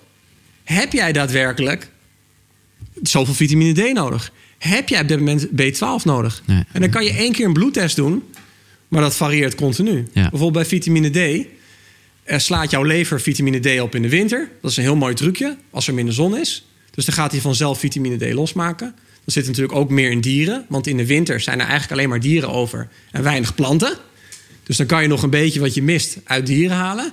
En dan op een gegeven moment gaat de zon weer schijnen. En dan moet je je lichaam ontbloten. En dan heb je vitamine D nodig. Wat ik wel wil zeggen, als je veganist bent. Of je hebt bijvoorbeeld een, eh, een vergiftiging gehad. Nee, dat Bij een kerncentrale dan heb je bijvoorbeeld jodium nodig. Dus, dus dan, dan moet je op een bepaalde manier je lichaam ontgiften. Maar je moet echt de basis aanpakken. En dat is gezonde voeding. Ja. Ik heb veel liever dat je een visje één keer per week eet... dan zulke dure omega-3 eh, pillen...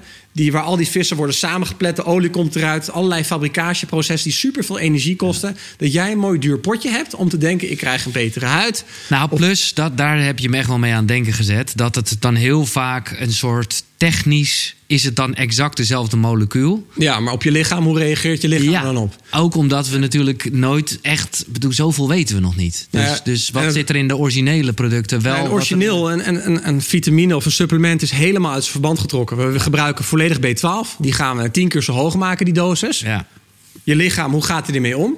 Het is niet zoals een, een B12 die bijvoorbeeld in een kipperlever krijgt... waar ook allerlei andere vitamine, vetten Ja. en Ja, ja, ja. eh, eiwitten bij zitten... zodat je die nutriënt goed in je lichaam komt. ja. Je kan je heel moeilijk overdoseren vanuit voeding. Eigenlijk is dat onmogelijk. Maar je kan je supersnel overdoseren vanuit supplementen. Als jij veel te veel jodium gaat slikken, krijg je schildklierhormoonproblemen. Dus dat geldt ook bij B-vitamines. Dan kun je ook zenuwtintelingen krijgen, problemen met je bloedsomloop. Ja. Dus onderzoek voor jezelf, eerste basis, heb je een tekort? Nou, dan moet je meerdere keren in een maand of meerdere keren in een jaar gaan prikken wat je tekorten zijn. Heb je daadwerkelijk tekort? Voel je je slechter? Probeer het dan eerst in voeding te zoeken. Nou, als je dat niet hebt, ja, ik ga geen levertjes eten. Wil ik niet. Nee. Of ik wil niet heel veel Dan- planten eten.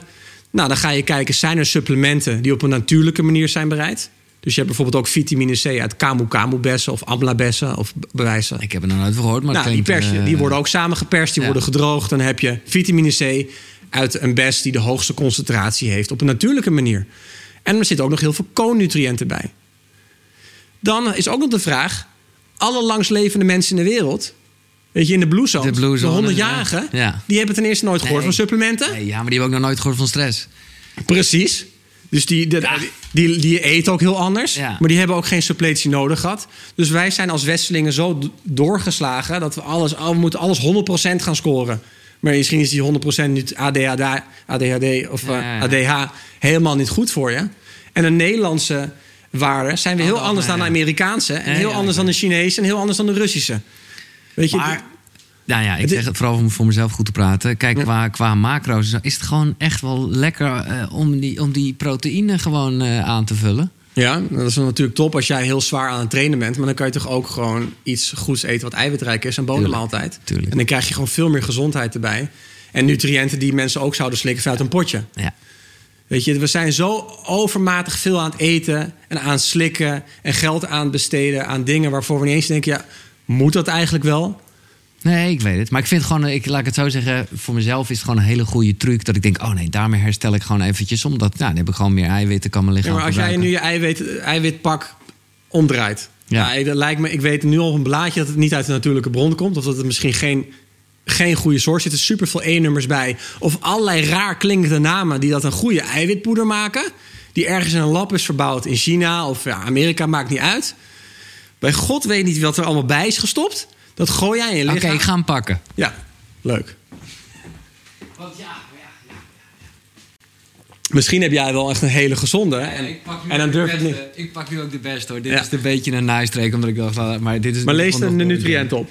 De nutriënten. Ja. Even kijken, waar staat dat? Eh, Laat het maar zien. Ja, maar. Ja, ga jij maar. Eh, Jij bent er beter in. Nee, want ik moet zeggen, jij, had- de E-nummers daarvan was eerst even een tijd E-nummers kunnen echt niet. Toen was het weer, oh ja, E-nummers kunnen wel, want dat is gewoon alleen maar op het moment. Nou, ik, ik, ja, sorry dat je onderbreekt. Ja, ja, goed. ik zou zeggen, dit moet je niet eens slikken.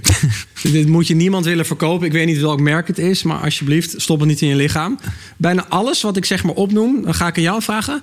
Hoe maak je erten eiwit, eerste ingrediënt, hoe maak je erten eiwit concentraat? Wat, wat, wat is dat? Nou ja, een paar erwten een beetje. eh, Ja, ja, je denkt heel romantisch. Je gaat erten een beetje... Ja, nee, ja. Ze, ha- ze, erten die gaan ze vriesdrogen. Dan halen ze een bepaald eiwitmolecuul uit. Dat gaan ze synthetisch namaken. Of op een bepaalde manier doen ze er rare dingen mee. Dan hebben ze een verdikkingsmiddel na nog. Tweede ingrediënt, guargom. Klinkt heel natuurlijk. Johannespitmeel, maar super synthetisch bewerkt. Want dat is gewoon een mooi klinkende E-nummer. Oké. Chai aroma is waarschijnlijk een of andere geurstof toegevoegd. Ja. Dat klinkt dan als Ja, lekkere chai thee. Maar het is een chai aroma. Nou, als jij in dat lab erbij bent hoe, je, hoe ze dat maken, dan schrik je je dood. En dan eh, hebben we, eh, nou, dan heb je vanille aroma, kaneel aroma. Dus niet, je hebt niet vanillepoeder. Nee. Je hebt niet kaneelpoeder, maar aroma. Dan heb je zoetstoffen. Stevia glycosiline in plaats van groene stevia blad. Wij gebruiken groene formale stevia blad. Hier zit de in, dus dat is een witte stevia. Totaal niet meer natuurlijk, niet op de plant die ze normaal telen. Eh enzymecomplexen, beta-carotene, dus hier zitten ja, allerlei dingen bij. Probiotica culturen. En ik pakte nog de beste. Ja, nou, ik kan je wel wat betere toesturen die, die wat ja. natuurlijker zijn. Maar nog steeds denk ik, eh, alsjeblieft Giel, weet je, ga in de avond, eet als een eitje of een maaltijd. En ik weet het is makkelijk, want je hebt een drukke baan. Ja, maar ja, je gooit nee, een poedertje doorheen. excuus, maar... maar- dit is meer averechts voor je gezondheid dan... Misschien goed dat je spieren even eiwitten binnenkrijgen, maar dat is verre van natuurlijk. Ja. Dat ik me even van. En dan komen we op een punt. En eh, dat wilde ik net, maar dat heeft hier allemaal mee te maken. Ik wilde dat sowieso een beetje bespreken, want ik begreep het niet. En toen las ik je boek en dacht ik: oké, het is echt een principe. Kijk, ik ben, eh, dat weet jij, best wel afnemer van jullie. Ja. Want ik, eh, ik hou gewoon ook van gezond leven. Ja. Ik ben op een gegeven moment, zal ik eerlijk gezegd eh, zeggen, mee gestopt. Ja, vond ik ook heel jammer. Ja, nee, ja, maar het is geen. Ik bedoel, ik ben er niet. Maar, maar zal ik je zeggen waarom ik ermee gestopt ben? Nou, gooi, zeg maar. Ja, omdat ik gewoon in mijn. En dit, was een wat geforceerde tijd, dan laat ik dat voorop Ja, stellen. ja. Gewoon heel erg bezig met het bereiken van mijn doel. Ik wilde een sixpack. En, Ja. eh, dus ja, ik wil, was heel erg bezig met het tellen van mijn calorieën. Ja, ja, dan ga ik iets heel vervelends zeggen. En ja, eh, nou ja, ik vond daardoor het sapje. Ik heb er zelfs nog, eh, geloof ik, een keer een mailtje over gestuurd. Want ja, ik zie hier dat etiket van jullie. Het staat er niet op. Jawel, ze staan er onderaan staan ze er. Onderaan staan de voedingswaardes. Ja, oh ja, het staat wel. Oh, heeft het er altijd op gestaan? Ja, Oh, ja, ze staan aan de achterkant best wel klein. Oh ja. Eh, dus Ah, ja. het staat erop. Het staat er Eh, op. maar nog steeds, want jij wilt het natuurlijk over calorieën hebben. Ja, Want jij, want dit, dit- is, dit is voor veel mensen, en dan heb ik het over sportmensen. En ik, ik ben helemaal met je eens dat het iets wat geforceerd is. Ja. Maar ja, het zegt toch wel iets. Jij Ja, bent nee. echt een soort. Jij, bent, jij zegt calorieën. Slaat Het ligt er heel erg aan waar je calorieën vandaan haalt. Eh, en nog steeds calorieën tellen is voor mij zo'n zo zonde van je tijd. Mits jij bijvoorbeeld echt een, topsporter bent... en je moet Ja. alles wat je elke dag eet helemaal afwegen. Want de basis is al zo. Als jij calorieën gaat tellen, dan eet jij aan de basis al niet gezond. Of dan heb je waarschijnlijk al issues met overgewicht... en ben je er heel erg mee bezig en diëten. Nou ja, Maar ja, je weet gewoon. Dat is gewoon een soort gouden regel waarvan je denkt: oké, als je wil afvallen, dan moet je meer verbranden eh, dan je meer calorieën verbranden dan je in je neemt. Eh, ja en nee, want er, er ligt natuurlijk ook aan je stofwisseling Ja. en je metabolisme. Eh, wat, verteert, wat verbrandt jouw levercalorieën? Ik wil even bij de baas uitleggen. Een calorie is gewoon een, een, een wetenschappelijke meeteenheid. Die is Ja. in 18425 is die ontwikkeld door een wetenschapper. Die is een paar jaar later ook weer helaas onthoofd. Anders kon hij dat nog wat verder uitschrijverstheorieën. Oké. Maar je dacht, hoe kan ik met één calorie uiteindelijk één eh, eh, liter water opwarmen tot een kookpunt? Hoe, snel, weet je, hoe gaat dat? Ja. En uiteindelijk zijn ze uiteindelijk met, met verbrandingstechnieken. Oké, ik stop iets erin en dan komt uiteindelijk X uit. Nou, toen, en wetenschappers willen heel graag meten en weten. Nou, dat is allemaal super. Dus ik doe een broccoli erin. Ik vries droog het, onttrek het, doe het erin. Het gaat branden. Nou, hoeveel energie, hoeveel, wat heeft dat verbruikt op mijn wetenschappelijke metertje? Nou, daar komt ik veel 23 calorieën uit. Hartstikke leuk. Maar dat is in een lab getest. Mhm. Jouw lichaam is geen lab. Nee. Jouw lichaam, als je eet, heb je emoties. Je bent verliefd. Je bent gestrest. Kou je veel? Welk speeksel komt er vrij? Uiteindelijk komt het in je maagsappen. In je darmflora, dunne darm, dikke darm, pancreas, je lever. Zit dat eten met vetten, met eiwitten? Doe je het gecombineerd die maaltijden? Met wat eet je dat allemaal? Elke Uiteindelijk, keer heeft het een ander effect, zeg jij. elke calorie en elke voeding heeft een ander effect bij jou, bij elk persoon op zijn lichaam. En zelfs per persoon, per Per bui. persoon is het helemaal uniek. En tuurlijk, als jij heel weinig eet, ik noem het even, je gaat jezelf uithongeren. Dan werkt dat. Ja, natuurlijk, dan ga je afvallen. Ja. En dat is uiteindelijk minder calorieën eten. Ja. Je gaat heel weinig eten. Ja. En als jij een sixpack wil creëren, ga je heel weinig van het gezonde eten. Want volgens mij heb jij niet de hele dag patat en chips lopen. Nee, nee, nee, nee. Maar ik ken wel de, de. Dat zijn dan mensen die daar een beetje voor de lol. dat soort gekke filmpjes maken. die aantonen. dat je natuurlijk wel degelijk. met McDonald's een sixpack kan halen. Ja, want er zijn mensen die een stofwisselingssysteem hebben. Dat die, er zijn mensen die hetzelfde aantal calorieën eten. en die McDonald's eten en super dik worden. En er zijn mensen die McDonald's eten en gewoon afvallen. Betekent niet dat je van binnen gezond bent. Maar Nee. in uiterlijke vertoon Ja. zie je er mooi uit. Nee, precies. Maar is dat dan Nee, nee, nee. Daar heb je een. En weet je dat je als je twee zoete bataat eet of twee Coca-Cola's drinkt, Ja. wat dezelfde caloriewaarde heeft, even op papier dan. Ja. Wat heeft de gezonde uitwerking op je lichaam? En van waar, kom je, en van waar ga je uiteindelijk afvallen of gezond worden? En van waar kom je uiteindelijk aan? En wat creëert uiteindelijk gezondheidsproblemen? En dat is wat ik heel erg probeerde uit te leggen. Ik, ben heel erg van, oké, dit is een calorie in de wetenschap. Daarvoor hebben we het nodig. De fitnessindustrie. Allerlei partijen met de gadgets. Is heel belangrijk. Ik heb zoveel calorieën verbrand. Maar ja, je slaapt, dan verbrand je calorieën. In ruststand, je lever verbrandt calorieën. Je hormonen hebben bepaalde calorieën nodig. Dat kunnen we bij God niet meten. Wat we alleen kunnen meten is uiteindelijk de, de voeding die je eet. Maar een klein beetje. Maar dat werkt uiteindelijk op iedereen weer anders. En je hebt zoveel verschillende diëten in de wereld. Die allerlei calorieën mikken. En bij mij gaat kap dan met die calorieën tellen. En begin nou eens gewoon met gezond eten. Gezond, natuurlijke voeding. Weet je, en als je af en toe dan een zak chips eet. Of een pizza, want dat eet ik ook. Maar als je het af en toe eet, dan ga jij niet naar een calorie kijken. En dan zul je ook niet heel erg dik gaan worden. Weet je, en als dan hele eh, problemen die me- mensen die echt stofwisselproblemen hebben, of echt hormonaal, of met hun lever verkeerde functies hebben, dat het gewoon niet goed werkt gezond, dat zijn wel ehm, unieke individuen. Nou ja, en, en maar dat, is, eh, de, de, dat zeg ik op eigen rekening. Dat daar zit eh, heel vaak ook nog een, een, een psychologisch effect achter. Ja, want dat zit natuurlijk al tientallen jaren overal de marketing, de voedingsindustrie heeft kunnen claimen. Ja, als iets weinig calorieën heeft, Nee, nee, dan sorry. zal het wel gezond zijn. Ja, nee, maar ik bedoel te zeggen, als mensen, en dat is een boute uitspraak, maar nogmaals, dat- dat als mensen een, een stofwisselingsprobleem hebben. Ja, ik heb een stofwisselingsprobleem. Als ik jou bijvoorbeeld ergens in de Serengeti gooi ben in Inheemse stam... Ja, en jij gaat echt eten wat ze er eten, geloof mij... dan kom jij misschien ook, dan raak je van je problemen af. Ja. Type diabetes 2 en dan word je slank... en dan kan je je spieren opeens zien. Dat gaat gewoon vanzelf. Want jouw lichaam, wij zijn niet geëvalueerd om als olifanten uit te zien. Nee. Wij zijn gewoon geëvalueerd om dun, slank te zijn. Bij de ene is het, het heeft wat meer vet nodig. En wat de media dan laat zien, iedereen moet slank zijn en gespierd en helemaal geen vet hebben, betekent niet dat het bij jou past. Sommige Nee, mensen horen dat- gewoon van nature meer vet hebben en is dat gewoon gezond voor ze. Kijk, vooropgesteld, daar ben ik, eh, maar dat is, eh, de- daar ben ik achter gekomen in die hele Road to Sixpack eh, challenge. Dat ik ineens dacht: oh, dit gaat helemaal niet meer over sporten. Dit gaat gewoon over fucking weinig eten. Ja, en dus niet zozeer ja, calorieën, maar eigenlijk gewoon heel weinig eten. Ja, Dat is hoe je. maar dus ook, maar ja, dus wel degelijk een beetje calorieën tellen. Omdat je gewoon dus op een gegeven moment, je gaat een beetje op die grens. Want je wil wel namelijk de kracht hebben om shit op te tillen. En om gewoon überhaupt een beetje die dag te kunnen leven. Maar je wil wel dat er gewoon nog steeds vet verbrand wordt. Want dan eh, Ja, zie je... je zag ook wat je at. Weet je, je at bijvoorbeeld de hele dag, dagenlang alleen maar eieren. En allemaal Ja. best wel simpele, simpele nutriënten. Dan denk ik van ja, weet je, als jij, jij hebt jezelf iets opgelegd wat eigenlijk niet natuurlijk is. Nee, true. Welke, welke oerstam gaat keiharde sixpacks creëren? Ik bedoel, welk, Nee, dat begrijp ik. Maar dan zegt calorieën wel degelijk dus iets. Omdat je gewoon weet van... oké, dan gaan we elke keer een beetje naar beneden. Maar ook weer niet te veel dat we gewoon helemaal half dood zijn. ja, of je doet er gewoon een paar maanden of een paar jaar over Ja, nee, rustig ontwikkelen. Ja. Je eet gewoon langer gezond. Je gaat niet focussen op calorieën. En, eh, en kijk hoe Giel er dan uitziet. Nee, ja, zeker. Nee, maar dat is de, precies de fase waarin ik nu zit, voor de duidelijkheid. Ik bedoel, ik, ik, ik trek mijn eten niet meer. Ja. Maar ik vind het nog wel lekker om even af en toe te kijken. Omdat, ik, omdat het me gewoon een soort indicatie geeft. Ja. Ja. En, en, en er is een Instagram-pagina, ik moet er heel erg op lachen. En ik vind dat toch, dus daarom ben ik het... Ik snap ook wat jij zegt. Maar ik vind dat een, een fijne Instagram-pagina, die heet 100 calorieën of zo. Ja, heel leuk. Die volg ik ook. Ja, en, die, en dat vind ik toch even goed om te zien. Want dan zie je af en toe een bord helemaal vol met spinazie. Ja. En de volgende dag zie je een bord met drie M&M'tjes liggen. Ja. En dan weet je gewoon wel... eh, Zo zit de de stil. ja, Ja, en, weet je, een calorie is gewoon... Een calorie is niet een calorie omdat de meeteenheid zegt... dit is het. Het gaat uiteindelijk echt om de bron van de calorie. Ja. En wat is die bron en wat doet die uiteindelijk in je lichaam?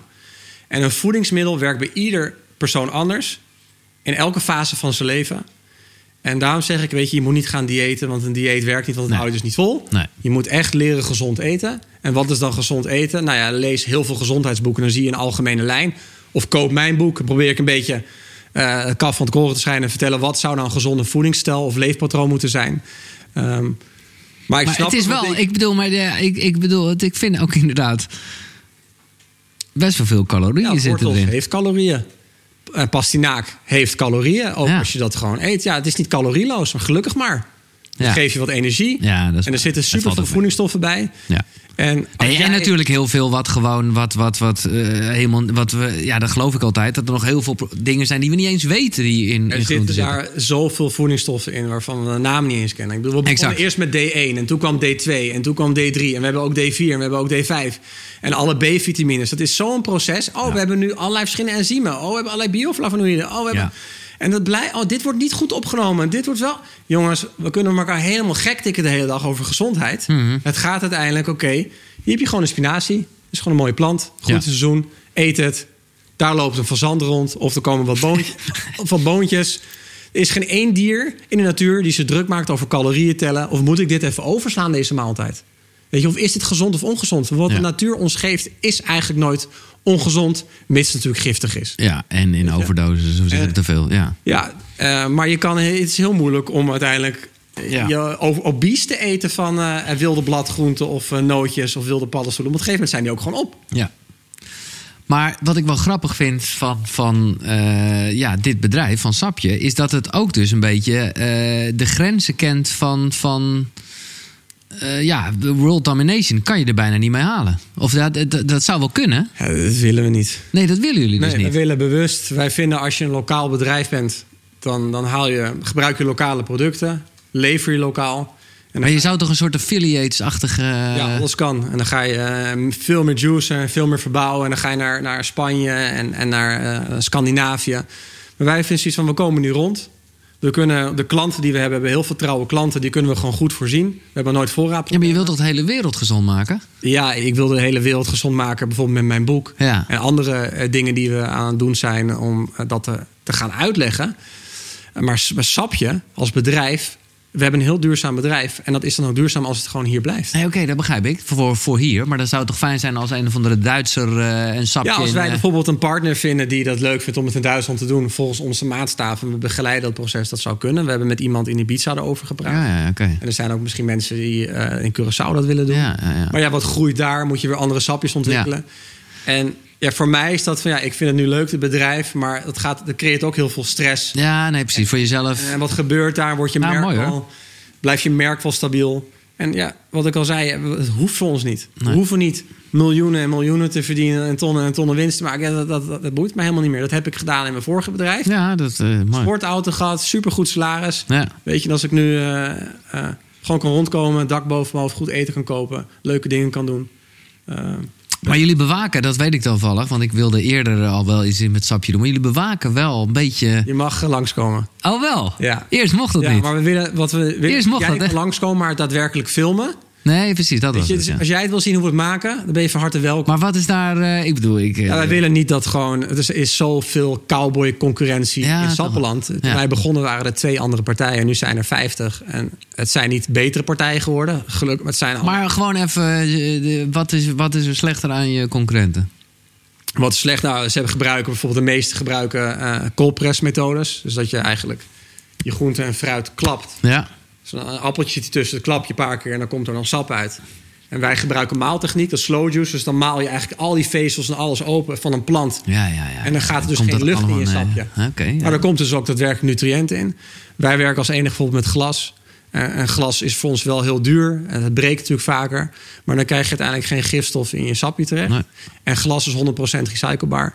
En plastic, of het nou bioplastic is of niet... dat eh, wordt gewoon niet goed gerecycled. Ik denk een paar procent van plastic kan gerecycled worden. De rest gaat naar India, China, wordt overgekocht... wordt verbrand in de atmosfeer... en ademen wij uiteindelijk allemaal weer in.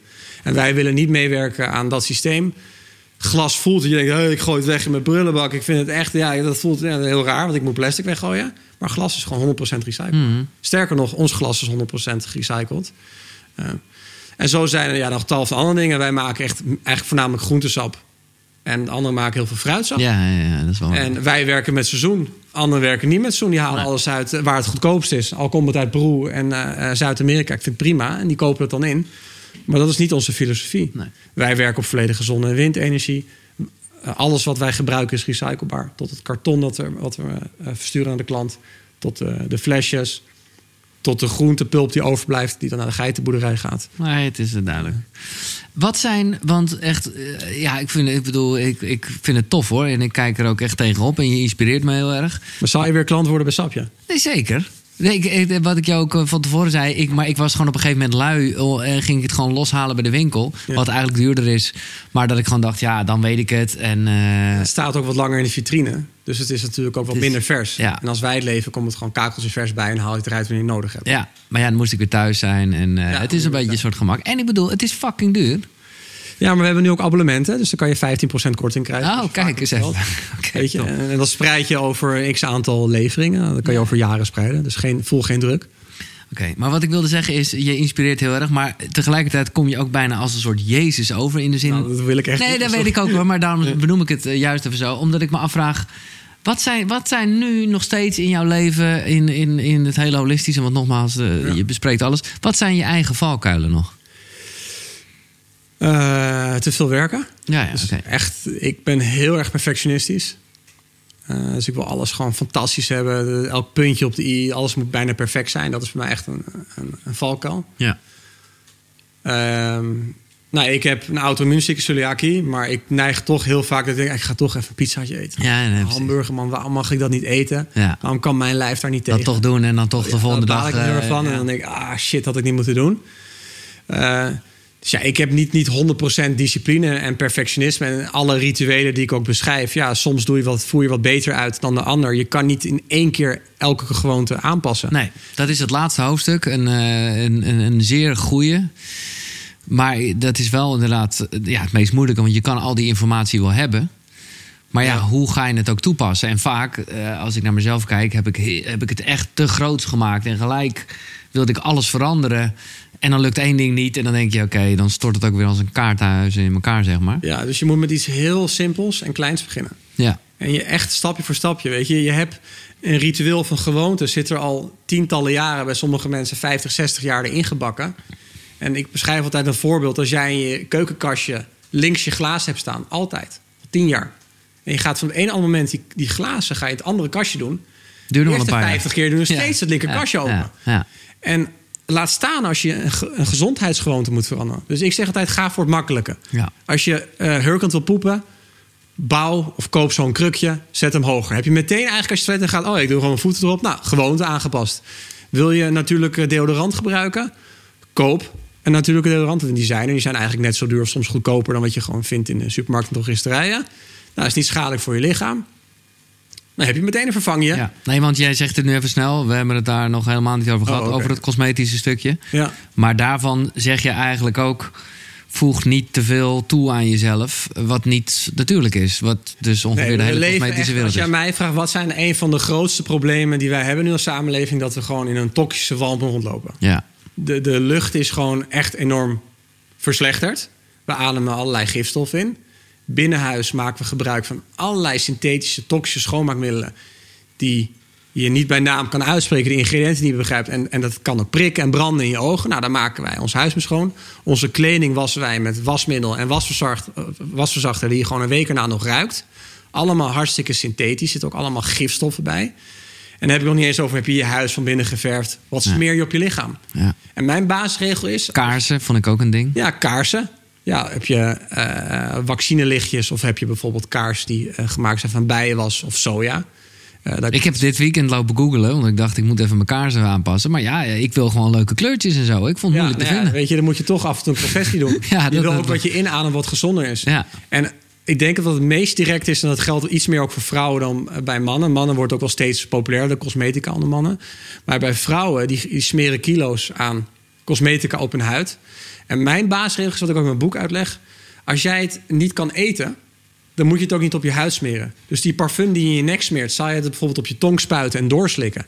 Nou, als je al nee zegt, Nou, dan moet je het ook niet in je nek spuiten. Want je, je huid is natuurlijk een hele grote Ja, die, bescherming. die neemt het aan zich toch... eh. Net zoals nicotinepleisters, dat zit in je nek. Nou, dat, dat Ja, in je bloedstroom. Dus, en in zo'n parfummetje zitten 40 tot misschien 70 verschillende toxische, giftige stoffen... die je dag in dag, in dag gebruikt. Je haarlak, mascara op je ogen, je lippenstift die je af en toe opeet... of je lipgloss, je, je, eh, je gezichtslotion, je je deodorant. Als je het allemaal bij elkaar optelt... dan krijg je een paar honderd verschillende stoffen... die niet gemaakt zijn voor de mens, die niet natuurlijk zijn... die je niet zou opeten... maar die je wel allemaal zou kunnen vervangen met varianten... die niet schadelijk voor je zijn voor jezelf... maar ook niet voor de natuur... en ook niet als je doorspoelt door de riolering of door je waterkraan. Eh, dat het gewoon goed afbreekbaar is. En je kan heel makkelijk natuurlijke varianten vinden van een make-up. Of, Ja, er staan ook uitlegjes in hoe je het zelf moet... eh, ja, of hoe je het zelf kan maken. En eh, ehm, dat is wel, eh, denk ik, een belangrijk punt om, om je gezondheid op langere termijn eh, te kunnen verbeteren. Want je zou daardoor chronische ziektes kunnen ontwikkelen. Dat er- als er veel aluminium in je oksel komt, ja, dat wordt gemeten dat het uiteindelijk ook in je hersens terechtkomt. Of bij vrouwen vaak als ze borstkanker ontwikkelen, dat het bij geamputeerde borsten, dat daar dan aluminium eh, heel veel in zit. Want dat blokkeert toch je lymfegangen. Je zweet uiteindelijk niet meer als je een antitranspirant hebt. Maar je gooit er of spuit er spul tegenaan. Ja. En dat adem je uiteindelijk ook weer in. Ja. Want wat je spuit is vloeibaar, is ook lucht. Maar hoe... eh, ja, ik weet niet of je daar cynisch van wordt. Maar als ik dit zo allemaal hoor, dan denk ik... Ja, Dan, weet moet je... je, word helemaal gek. Nou ja, best wel een beetje natuurlijk. En ook omdat als het gaat over. Nou ja, dan heb je. De, de, het zijn allemaal zulke machtige industrieën, weet je wel. Ja. De, de, de, nou ja, wat wel vaker te sprake is gekomen hier bij Koekeroe zijn natuurlijk de, de, de macht van de medicijnfabrikanten. Ja. Ja. Maar ja, als jij nog eens een keer eh, terecht hoor, de hele cosmetische wereld erbij trekt. Ja, Ja, en de, en de telefoonindustrie. Ja. En, de, en, de, en je hebt natuurlijk zoveel industrie. het gaat allemaal niet gebeuren. Het gaat niet veranderen, Nee, vrees ook al woon jij op een onbewoond eiland. Weet je, nog steeds krijg jij nu, omdat we in een hele andere tijd zitten dan 100 tot 200 jaar geleden, al helemaal eh, 500 jaar geleden. Want de- sinds de industriële revolutie zijn er gewoon veel meer giftige stoffen in onze voeding, in onze aardbodem, in de lucht, in het water eh, terechtgekomen. Die krijgen we allemaal met kleine beetjes binnen in ons lichaam. Dus het gaat uiteindelijk om hoe kan ik ervoor zorgen dat ik die, die impact zo kan minimaliseren. Dus zo min mogelijk krijg. Ja. Nou, bewust niet die parfum spuiten. Nee, of maak zelf een parfum op basis van Maar jij, jij wil zeggen, je hebt geen illusies. Het is gewoon leven sowieso Het is op zoals een slechtere is. planeet. Je ja. ontkomt er niet meer aan. Je kan jezelf niet opsluiten eh, in je huis. Want uiteindelijk in je huis zullen ook wel weer giftige stoffen Ja. zijn die van het verf afbladdert en Ja. die je inademt. Je ontkomt er niet aan, maar je kan de schade wel minimaliseren. En uiteindelijk stem je met je portemonnee. Als jij op een gegeven moment eh, zeepje gaat kopen, wat een, een mooi natuurlijk wasmiddel is, of je kiest voor Dreft of de Ariel, dat zijn natuurlijk wel twee uitersten. Je kiest voor een Red Bull of je kiest voor sapje, weet je, groentesap. Ja. Uiteindelijk Ja. ja, kies je wel met je portemonnee. En dat is uiteindelijk waar hoop ik dat we met z'n allen ook veel meer en veel sneller die kant op gaan. Want het gaat nog veel te traag. Ik heb het idee dat we allemaal nog met ogen Ja, maar ja, je kiest met je portemonnee. Je, ja, ik bedoel, ja. Maar da- dan, daarmee zeg je toch ook wel dat de goede producten wel eh, altijd duurder zijn. Nee. Dus je, kan ook heel... Ja, als je er tijd voor hebt, maar je kan het heel makkelijk Ja, maken. zo ja, nee. Super goedkoop. Dan heb je jaren voorraad. Ja. Maar ook de natuurlijke, biologische deodorant. Of de cremmetje. Ja, je gebruikt kokosolie of shea butter of cacaovet, sesamolie. Nou, dat kost 2, 3 euro. Ja, nee, nee, maar ik bedoel, als ik even denk aan sapje, ja, met alle respect, maar ik eh, koop hier echt wel vier blikjes voor. eh, Ja, maar ja, uiteindelijk het proces als je zoveel groentes... Ja, ja. Weet je, dat Tuurlijk, kost ik snap het. geld. Ik snap het. Nee, maar dat is wel weer een beetje korte termijn, lange termijn. Ja, Ehm, maar je hebt ook de keuze van... hey, drink ik elke dag een biertje... of koop ik elke dag hele mooie nieuwe kleding... of koop ik tweedehands kleding... of eh, ga ik vaak minder nieuwe kleding kopen. Dus er zijn natuurlijk, waar kies jij ook zelf mee? Ja. En waar liggen je prioriteiten? En dat, dat ja, is voor iedereen heeft zijn verantwoordelijkheid... vind ik, daarin in deze tijd. We gaan straks naar wat eh, tips, maar eerst eh, laat ik de basis niet vergeten. En ik ben echt wel benieuwd in nou ja, eh, hoe jij dat hebt als persoon zijn. En wat heb jij een ochtendritueel? De wekker gaat, of thans gaat er een wekker. Eh, nee, er gaat bij mij geen wekker. Er gaat geen wekker. Nee, Nee, die wekker die heb ik heel lang geleden de deur uitgegooid. Ik ga Ja. gewoon nu wat vroeger naar bed. Ja, Zodat ik mijn uren pak, mits mijn kind ons niet wakker gilt. een natuurlijke wekker. Ja, dat is ook een natuurlijke wekker, soms ook een nachtwekker. Maar ja, dat heeft natuurlijk iedereen. Eh, ik word niet wakker met een wekker. Ik slaap eh, op een natuurlijk bed, aardlaken. volledig ook een wol waar ik onder slaap. Katoenen dekens. Ehm, er is Niet hoog kussen. niet eigenlijk een heel laag wollen kussentje is dat. Van Tesselse schapen. En die worden, dat kan je ook allemaal bekijken via de website... hoe die, hoe die dieren behandeld worden. Ja. Maar je kan ook bijvoorbeeld kapot kiezen. Dat is ook een heel mooi boommateriaal. Daar kan je ook een kussen van creëren. Eh, ja, en dan, en dan sta ik op het eigenlijk. Mijn verwarming staat niet hoog, eigenlijk laag. Beetje 17, 18, 19 graden. Het is lekker koud. Er staat een kleine fan aan in onze kamer... om eh, een beetje white noise te creëren. Want anders hoor je best wel wat auto's langs de straat rijden. Daardoor slaap je Ja. toch wel wat dieper. Eh, maar eh, lekker donker. Ja, dan sta ik op. Ik drink een glas water. Eh, gefilterd of schoon drinkwater. Ga ik poepen. Op een krukje. En dan, doe ik wat shea butter op mijn gezicht. Ga ik douchen. Is eigenlijk bij mij best wel koud. Tussen de 20 en 5, 26 graden. Beetje lauw warm eigenlijk zelfs. En soms een stukje kouder. Afhankelijk van hoe ik me dan voel. Ik sla koffie over. Want ik trek dat niet. Ik, krijg, ik word dan veel te hyperig. Neem een sapje, eh, een glas water en een lekker ontbijt met groentes. Waar ik gewoon zin in heb op dat moment. En dan ga ik naar de zaak, trek ik mijn platte schoenen aan. En eh, eh, en ik, dan trek ik mijn kleding aan die ik gewassen heb met natuurlijk wasmiddel. ja, precies. Ja. Wat ik, ik hoor vooral geen. wat ik, het fantastisch hoor, maar ik hoor, wa- wat ik even niet hoor is iets met beweging of meditatie. Ik mediteer vaak in de avond. Ja, oké. Ik ga ook naar yoga lessen. Ja, dus dat is Nu beweging. kan het eindelijk weer. Dus ik was ook weer de eerste die zich aangemeld. Ik heb wel een groep nodig of mensen Ja, waar beetje- je energie ervaart. Eh, ik hou van mediteren. Yoga doe ik echt vaak ook thuis. Vind ik, en, maar ik wandel heel erg veel. Ik wandel drie, vier keer per dag. Dat is ook de reden waarom ik een hond heb genomen. Om meer te gaan bewegen. Dan ga je bewust meer Ja. bewegen. En maar ook omdat ik gewoon gek ben op honden. En eh, altijd sinds jongs af aan eh, dieren heb gehad. Ehm, ja, dus, dus dat... eh, Ja, duidelijk. En geen, eh, geen vaste. Want daar. dat ja.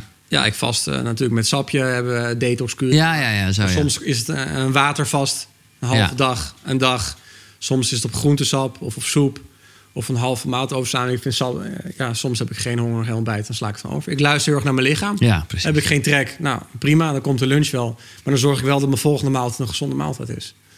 En eh, En ja, jij noemt dat net even zo in verband met die yoga en zo. En dat is, eh, ja, ik ben toch eigenlijk heel benieuwd. Ik, ik heb het onderwerp gelukkig de laatste tijd een beetje vermeden. Maar ik, ja, ik ben ben gewoon wel benieuwd wat jij ervan vindt. ja. Corona. ja. Wat is, eh, wat, eh, ja. Zal ik je... eh, ik vind het heel erg lastig wat ik van corona vind. Omdat alle mensen, ik zoek altijd twee richtingen. Ja. Ik vind dat je de wetenschappers moet aanhoren, de doktoren, die ook niet heel vaak weten en elke keer, of het vaak niet weten wat ze vertellen, of het verandert elke maand. Maar de andere media die ik volg, eh, de complotdenkers, om het Mhm. zo maar te noemen, die zijn bijna allemaal verwijderd van YouTube. Die kan je niet meer vinden op Nee. Google. Ik denk van ja, dat vind ik wel raar. Dat, dat, Ja. dat, dat creëert wel vraagtekens bij me.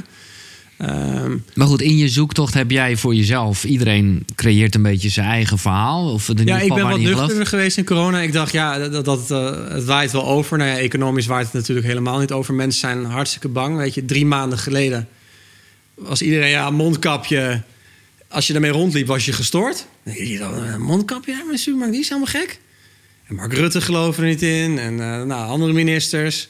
Allemaal onzin. RIVM zei, ja, Ja. schijn. Dat is helemaal niet nodig. En nu, als jij niet met een mondkapje in de supermarkt loopt... Nou, dan voel je alsof je heel erg verkeerds hebt gedaan. Mhm. En dan denk ik van hoe sterk de media die wij met z'n allen moeten volgen. Want het, is, Ja. want er is nu maar één media die we echt volgen. Of het nou goed of slecht bedoeld is, of er nou iets achter zit of niet. Eh, dat vind ik wel heel jammer dat je heel moeilijk nu nog je eigen weg erin kan vinden in corona. Ik geloof wel dat mensen met een heel sterk immuunsysteem beter kunnen tegen eventueel dat virus. Ja. Eh, er zijn ook jongeren die er ook heel veel problemen mee hebben gehad. De ziekenhuisopnames en IC, die stijgen niet zomaar. Ik bedoel, dat zijn wel gewoon feiten. Ja. Weet je, het zorgsysteem is wel in elkaar gedonderd. Maar dan moet je ook bij de basis eh, kijken. Ik had een post geplaatst op mijn Facebook. Ik dacht, hey, wat als de wereld er heel anders had uitgezien?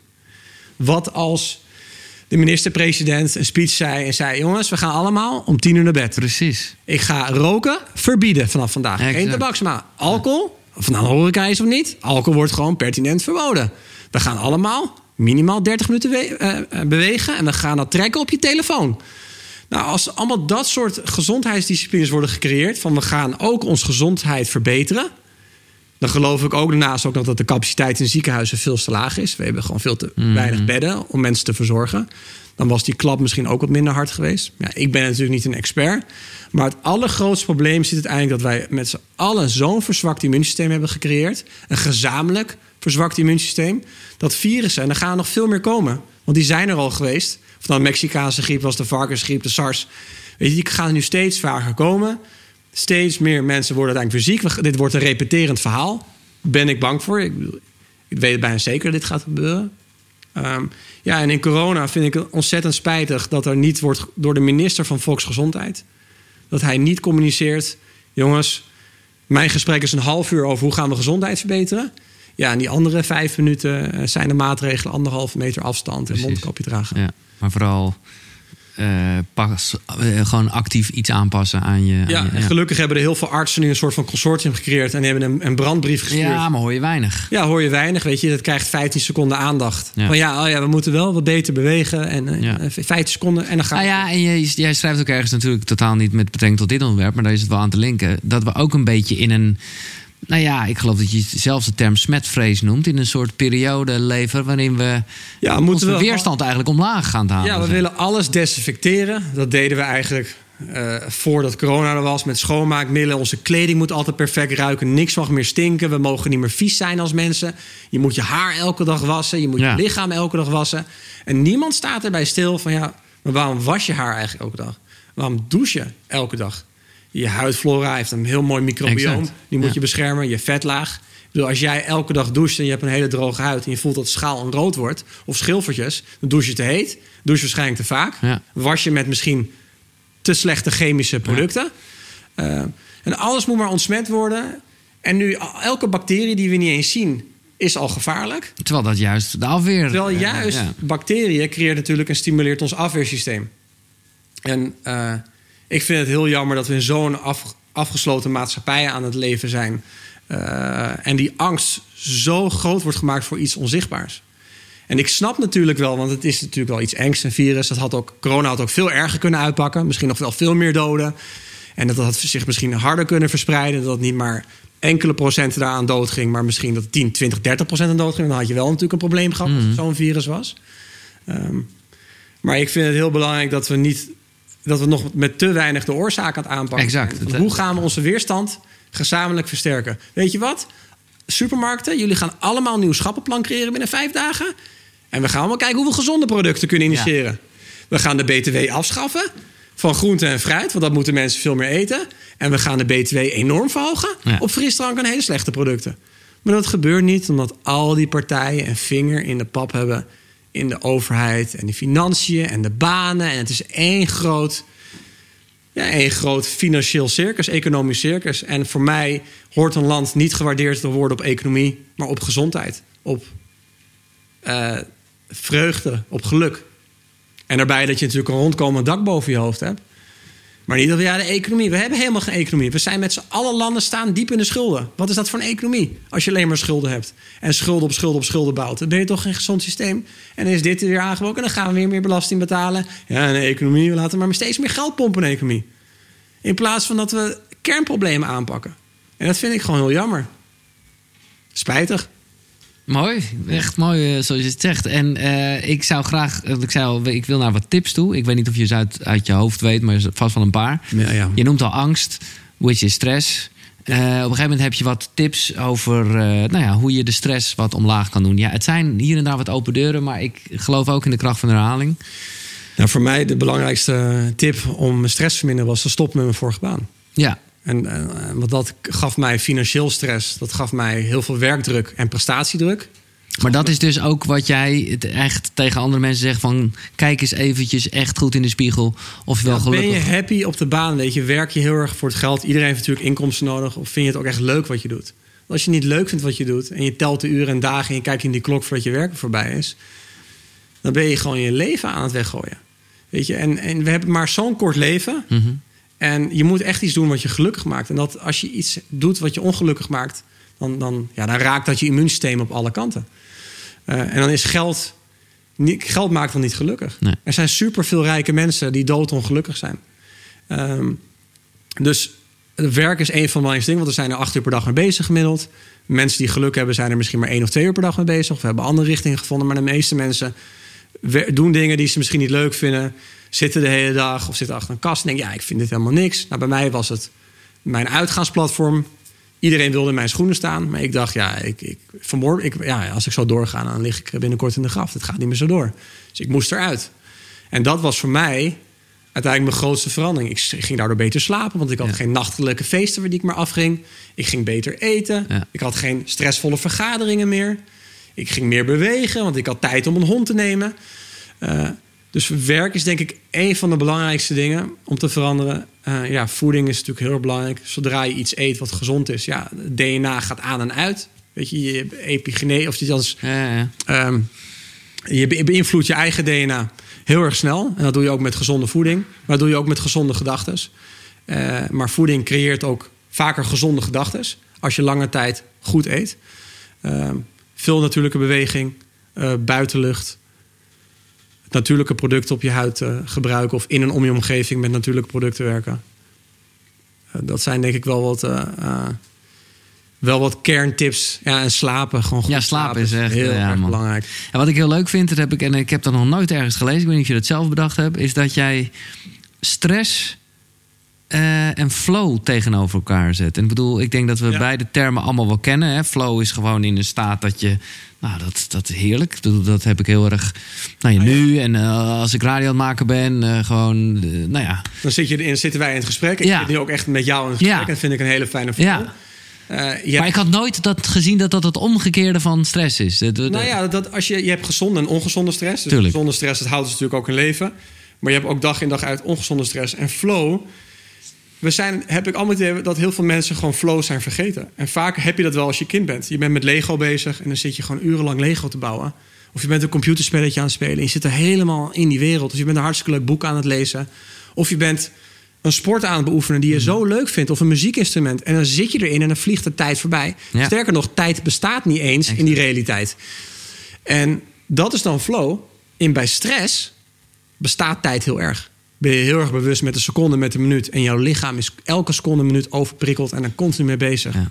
En als je dat jaar in, dag in, dag uit doet, dan ben je je lichaam heel erg aan het verzwakken. En daartegenover moet dan dus een flow-principe gaan staan. Een hobby iets leuks vinden. Ja. Al is het een leuk spannend boek lezen in de avond. Dan ben je even uit. Nee, precies. Om het, om het wel een beetje tools te geven. Want ja, er zitten nou helemaal mensen gewoon af en toe wel baantjes doen die ze niet zo leuk vinden. Of in stressvolle situaties. Jij zegt Ik wil vooral. ook minder leuke dingen met Ja. stapje, weet je, dat hoort erbij. Maar zorg, creëer een hobby. Zorg iets. Creëer je- één of meerdere hobby's. Of creëer met, met vrienden dat je sociaal denkt van... hé, hey, je kan natuurlijk altijd naar een, bar gaan. Om, of want die zijn nu gesloten, maar normaal... Ja, ja, ja, ja. maar Ik ga een biertje drinken. Dat is dan noem ik een ongezonde Drink je nooit meer? Ja, wel af en toe. Ja. Maar gewoon een lekker speciaal biertje. Maar je kan dan naar die omgeving gaan. Ja. Of je verruilt je omgeving en je neemt je vrienden mee. Je gaat naar buiten, je gaat een potje voetballen of. Precies. Of je gaat lekker wandelen of kitesurfen. Whatever. Dat je iets doet wat je veel plezier geeft. En ik denk dat we heel vergeten zijn om heel veel plezier te maken. Nou ja, we hebben het plezier een beetje anders gedefinieerd. Met een Ja. bak ijs op eh, de bank Netflix kijken wordt natuurlijk op zich als plezier. Ja, of heel veel geld om een rekening. Ja, Of een hele mooie auto. Of ik heb een nieuwste tas of, of merk schoenen gekocht. Wauw, dat geeft me plezier. Ja, maar dat geeft je heel kortstondig plezier. Want Ja. daarna wil je weer de nieuwe schoenen hebben. En wij, wij denken dat plezier of eh, vreugde... eh, ja, is consumentisme geworden. Heel veel mooie spullen kopen. Eh, en daar word je echt totaal niet gelukkig van. Anders zou je niet elke keer opnieuw die nieuwe spullen Nee. kopen. Ik zeg het eh, en ik weet het antwoord, want ik zie ook die twinkel in je ogen. Maar voor de mensen die alleen luisteren, want het is niet dat je heel cynisch bent over deze wereld, toch? Dat beeld kan een beetje ontstaan omdat je zoveel aan Nee. te merken hebt op het. Nee, maar eh, ik probeer juist gewoon wel heel eerlijk te zijn. Ik, ga ik heb mezelf een spiegel voorgehouden, maar ook gewoon de mensen van... oké, dit is gewoon de realiteit. Ja, Lees het. Doe ermee wat je doet. Als je al één gewoonte eruit haalt Exact. van die 200 die ik heb genoemd... ja, weet je, dan is dat al een verandering. Ja. Weet je, en als er één druppel valt in het water... en dan vallen er steeds meer... ja, dan wordt het op een gegeven moment een vloedgolf. En weet je, dat is waar het voor mij om draait. Als er mensen mij een mailtje sturen... heet je wel, mijn hele leven is omgegooid. Ongelooflijk. Ik wist niet dat, dat, dat er zoveel dingen waren in de wereld... waar ik bij moest stilstaan. Maar ik krijg ook mailtjes binnen. Ja, eh, ik vind het boek wat is veel te hard... en je kan toch niet zo'n stelling nemen. Maar het is mijn mening. ja. Weet je, en eh, eh, ik wilde het kwijt. En ik geloof dat veel meer mensen meer zouden moeten weten wat er omheen om hun wereld gebeurt. En dan ook een betere mening kunnen vormen. Duidelijk, ik ga naar eh, de vragen die veelvuldig zijn binnengekomen. Want dit zijn toch onderwerpen waar mensen nou ja, mening over hebben of vragen over hebben. Hier is Hind Harder, die wil weten... hoe krijgen we gezondheidsroutines op de kaart bij artsen? Ik ben behandeld en nu drie jaar later heb ik spijt. Ik had zelf liever geprobeerd beter te worden. Dat is een beetje waar we het ook over hadden met Ja, betrekking dat is tot heel lastig. Ik ben natuurlijk ook jarenlang behandeld door artsen en een KNO-arts. En dan, eh, ik ben overal geweest. Ja, Ehm, en, en die hebben maar een kleine discipline dat ze leren. En waar het de basis, waar het verkeerd gaat, is een opleiding. Zij moeten uiteindelijk in een opleiding veel meer leren wat zijn gezondere gewoontes. Er moet een veel groter belang zijn ja. dan dat zij eh, medicijnen voorschrijven. Dus zeg Exact, maar ja, ja. symptoombestrijding doen in plaats van oorzaak aanpakken. En als die studie misschien een om wordt gevormd voor een groot deel ook van hey, hoe kunnen we oorzaken bij patiënten wegnemen? En misschien dat artsen ook beloond gaan worden om gezondheid. En niet om de chronisch zieken die we in stand Nee. houden. Dat zou mooi zijn, dat ze een soort bonus krijgen als ze Ja, zo van, min hey, je hebt zoveel gezonde patiënten, je hebt zo weinig Ja. mensen en binnengehaald je hebt zo weinig ziektes. medicijnen uitgeschreven. Ja, dat jij is, krijgt eh, daar ja. extra voor betaald. En ik, dat is een hele andere gedachtegang. Want zo is deze industrie natuurlijk niet gebouwd. Net. Meer pillen voorschrijven. Meer mensen in ziekenhuizen heen en weer sturen. Maar het- ja, het systeem is eigenlijk gewoon verkeerd daarvoor opgezet. Dus het begint wel bij de, eigenlijk de opleiding van de artsen. En misschien ook dat artsen, als ze tijd hebben daarnaast... wat ze bijna niet eens hebben, omdat ze zo druk hebben met alle Mhm. chronische zieken... dat ze meer gaan kijken in de breedte. Wat is nog meer gezondheid? Eh, en gelukkig ontstaan er wel steeds meer hoor. Je merkt dat dat 15 jaar geleden wel anders was bijvoorbeeld dan nu. Ja. En eh, dat begint wel langzaam te veranderen, maar dat gaat nog steeds te traag. Nou ja, en, en, en je wordt eh, soms ook dan een beetje verketterd uit het systeem. Hè? Ik heb Ja. er wel verschillende mensen over gesproken. Eh, dat is nog niet niks als je zo lang hebt gestudeerd voor zo'n titel. Ja, En je gaat iets heel anders verkondigen. ja, Ja. dat is natuurlijk wat. Eh, dit hebben we een beetje behandeld, maar dan is de naam in ieder geval gevallen. Furkan, waarom ben je zo'n voorstander van natuurlijke huidproducten? Omdat je er gewoon minder toxische stoffen in je lichaam eigenlijk opzuigt of naar binnen krijgt. Ja. En eh, we zitten in zo'n toxische omgeving. Een overbelasting voor ons immuunsysteem. Dat is er gewoon nou eenmaal. Dus als je het op bepaalde, bepaalde manieren gewoon simpel kan beperken. En als jij iets op je huid smeert of inademt, zoals een, bijvoorbeeld een deodorant. eh, en je, je vervangt dat met een gezondere variant. Dan heb je al een hele grote, grote gezonde stap gezet. Eh, even kijken hoor, want een aantal dingen vegan hebben we echt wel besproken. Daar ben je in principe geen voorstander van dus. Nou, iedereen die vegan is, eh, alle lof. Maar ja, we moeten maar eens zien hoeveel generaties gaan voortplanten die volledig veganistisch zijn. Ja. Ik ken ook geen één vegan die langer dan 30 of 40 jaar vegan is. Ik ken ze niet. Oh, nou, dat weet ik niet. Maar, eh, Nou, ik ken ze zelf Nee, niet, nee, hè. nee, Dus ze zijn er waarschijnlijk. Ja, en ze zullen er zijn, maar je weet nooit... hebben ze daadwerkelijk 100% veganistisch gegeten. Maar de wetenschap en uiteindelijk ook tijd moet uitwijzen... worden generaties hierna op een veganistisch eetpatroon gezond opgevoed. Ja. Komen ze gezond tot leven. Als dat uiteindelijk gaat gebeuren... ja, super dat het als het veganisme kan. Uh, alle lof, is ook beter voor de planeet. Exact. Maar nu niet. Nu ben ik niet een voorstander ervan. Eh, dit vind ik een echt goede vraag van Anne. Hoe doe je het als je partner op een ander niveau zit? En dit is natuurlijk... Ja, dit heb ik ook met mijn vriendin gehad. Want ik ging echt als... Jij ging, jij ging haar inhalen. Ik ging echt eh Ja, ja, ja, ik vloog oké. naar Mars. en zij eh, dacht, blijf even op de aarde alsjeblieft. Mhm. Eh, en nog steeds hebben wij heel veel meningsverschillen. En dat houdt ook een beetje. Maar ja, als, jij als jij houdt van je partner... dan moet je ook op een gegeven moment tot een bepaalde concessie komen. Het kan niet alleen maar zijn, ja, ik wil dit en het gaat zo. Nee, als, als jouw partner sommige dingen toch moeilijker vindt... dan ja, bespreek je dat en doe je dat gewoon niet... als je liever uiteindelijk bij je partner wil blijven. Want liefde, knuffelen, samen zijn met iemand, sociaal contact... is soms belangrijker dan bepaalde rituelen per se, of rituelen per se willen veranderen...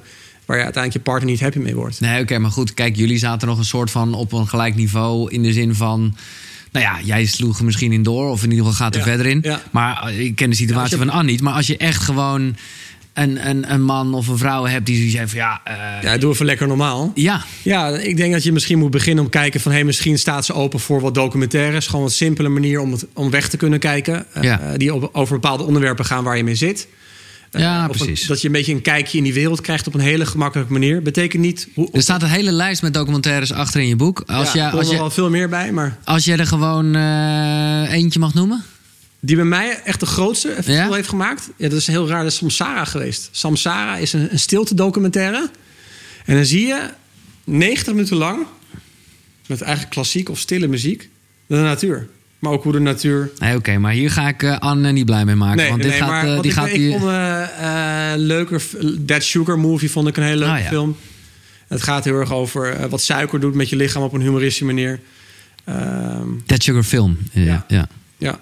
Maar dat, ja, dat zo zijn er nog... Ja, zo is een hele lijst. Achter in je boek echt top. Ik had er ook wel een paar dat ik dacht, oh, nooit van gehoord. Ik ben benieuwd. Ehm, Als je partner dus, dus ja, slecht mee omgaat, bespreek waar ze misschien punten waar ze het meest of hij het meest comfortabel mee is. En begin dan met één dingetje. En probeer het dan gewoon langzaam te introduceren. ja. Eh, Joram en Ede hebben een soort van gelijke vraag. Joram zegt, wat is de belangrijkste gewoonte die eh, Joel heeft veranderd? En Ede, eh, wat is je belangrijkste aanpassing in je leefritme geweest? Ja, mijn werk veranderen. Ja, Dat was voor, voor mij wel iets. Weet je, ik begon het om mijn zestiende. En uiteindelijk tien jaar verder, eh, zes, ik was 27 of 26, stop ik daarmee. Dat was voor mij wel echt de allermoeilijkste stap. Van, jezus, ik ga echt, echt iets veranderen... waar eigenlijk iedereen in mijn omgeving erop tegen was. Mijn familie en mijn vrienden zeiden... je bent gewoon helemaal knetter. maar, maar gaf je dat ook ergens een soort van kracht met jezelf? Dat je dat, tenminste, dat kan Nou, ik, ik voelde heel erg van, dit is wat ik voel. Ja, precies. En eh, je moet heel erg naar je, naar je onderbuikgevoel, je intuïtie... en voelt het lekker of niet. En als je merkt, hey, dit maakt me ongelukkig... ik krijg eigenlijk buikpijn van... Ja, Eh, en mijn lijf zegt in alles: stop ermee. Ja, hoe cares dan, weet je? Dan stop je er gewoon mee. En de rest van de wereld gaat ook gewoon weer door. ja. Eh Carolien, soms moet je door, ook al voel je je moe. Hoe doe je dat zonder jezelf dagen te verliezen? Soms voel je... Ja, dat is best wel een uh, open vraag. Is dat. Wauw. Ja.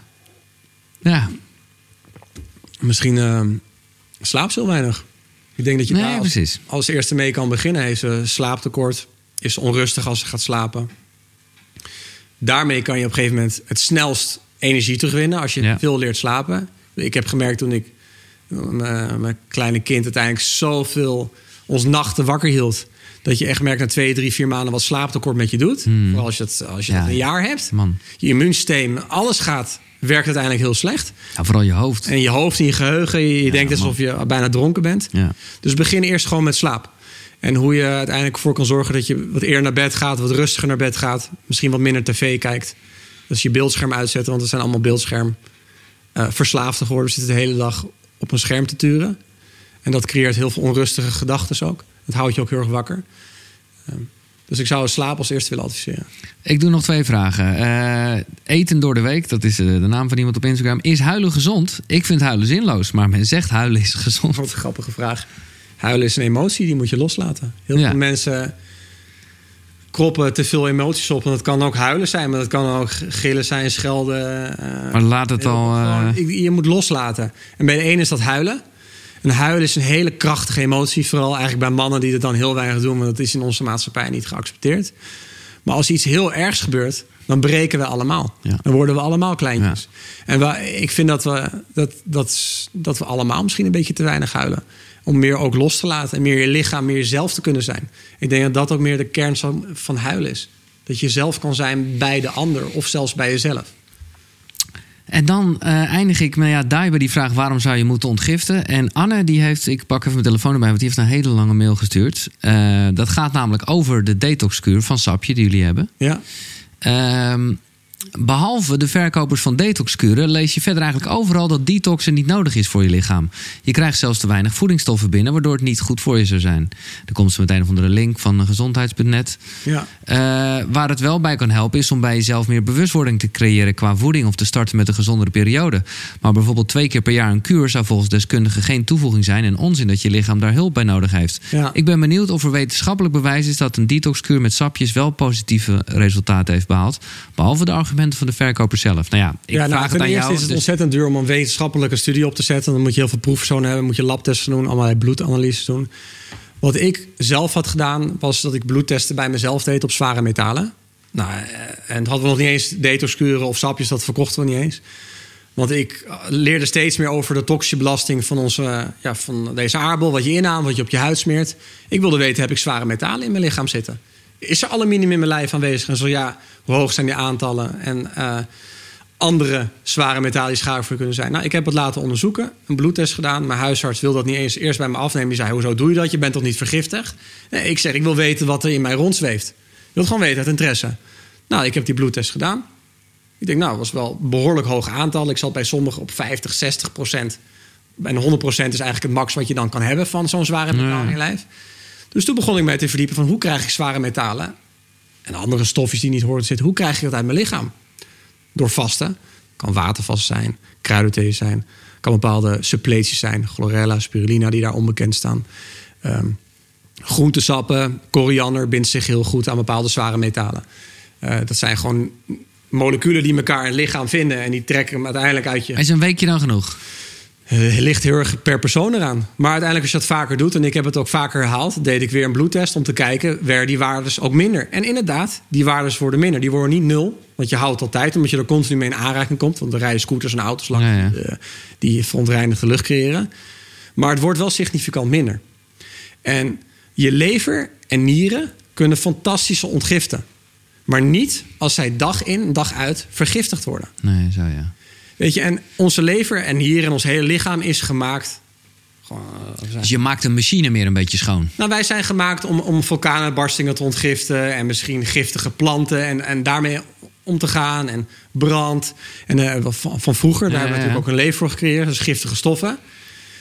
Maar de afgelopen 100 jaar, 150 jaar en de afgelopen 10, 50 jaar zijn er zoveel giftige stoffen. Dan heb je het over de 80 tot 100.000 toxische stoffen die in deze wereld erbij zijn gekomen. Daar is ons lever niet op ingesteld. Onze nieren ook niet. Sterker nog, onze lever, dus het wordt er zwakker van. Ze gaan uiteindelijk daardoor minder werken, omdat ze zelf ook vergiftigd worden door de stoffen die je binnenkrijgt. Ze worden overbelast. En wat wij bij een detoxkuur, wat want wij verkopen dat, wat wij willen realiseren, is dat mensen hun gewoonte veranderen. Ze gaan van een ongezond, vaak ongezond voedingspatroon, naar een gezonder voedingspatroon. Sapvasten, minder, minder energie krijgen ze binnen. Ze gaan minder eten. Ze krijgen hele pure voeding binnen. Ze krijgen sapjes binnen. Ja, maar hoezo, hoezo zeg je dan dat je daarna... Daarna kan je toch weer... eh, ja, Omdat je daarna weer wat bewuster wordt Ja, van... hey, zo. ik ga die zak chips laten, Ja, ik even. Maar we hebben heel veel een soort mensen, reset. Ja, heel veel mensen die niet van hun roken afkomen... die doen een kuur, bijvoorbeeld zeven dagen of drie dagen of langer... en ik, gadver, ik ga die sigaretten niet Nee, meer nemen. precies.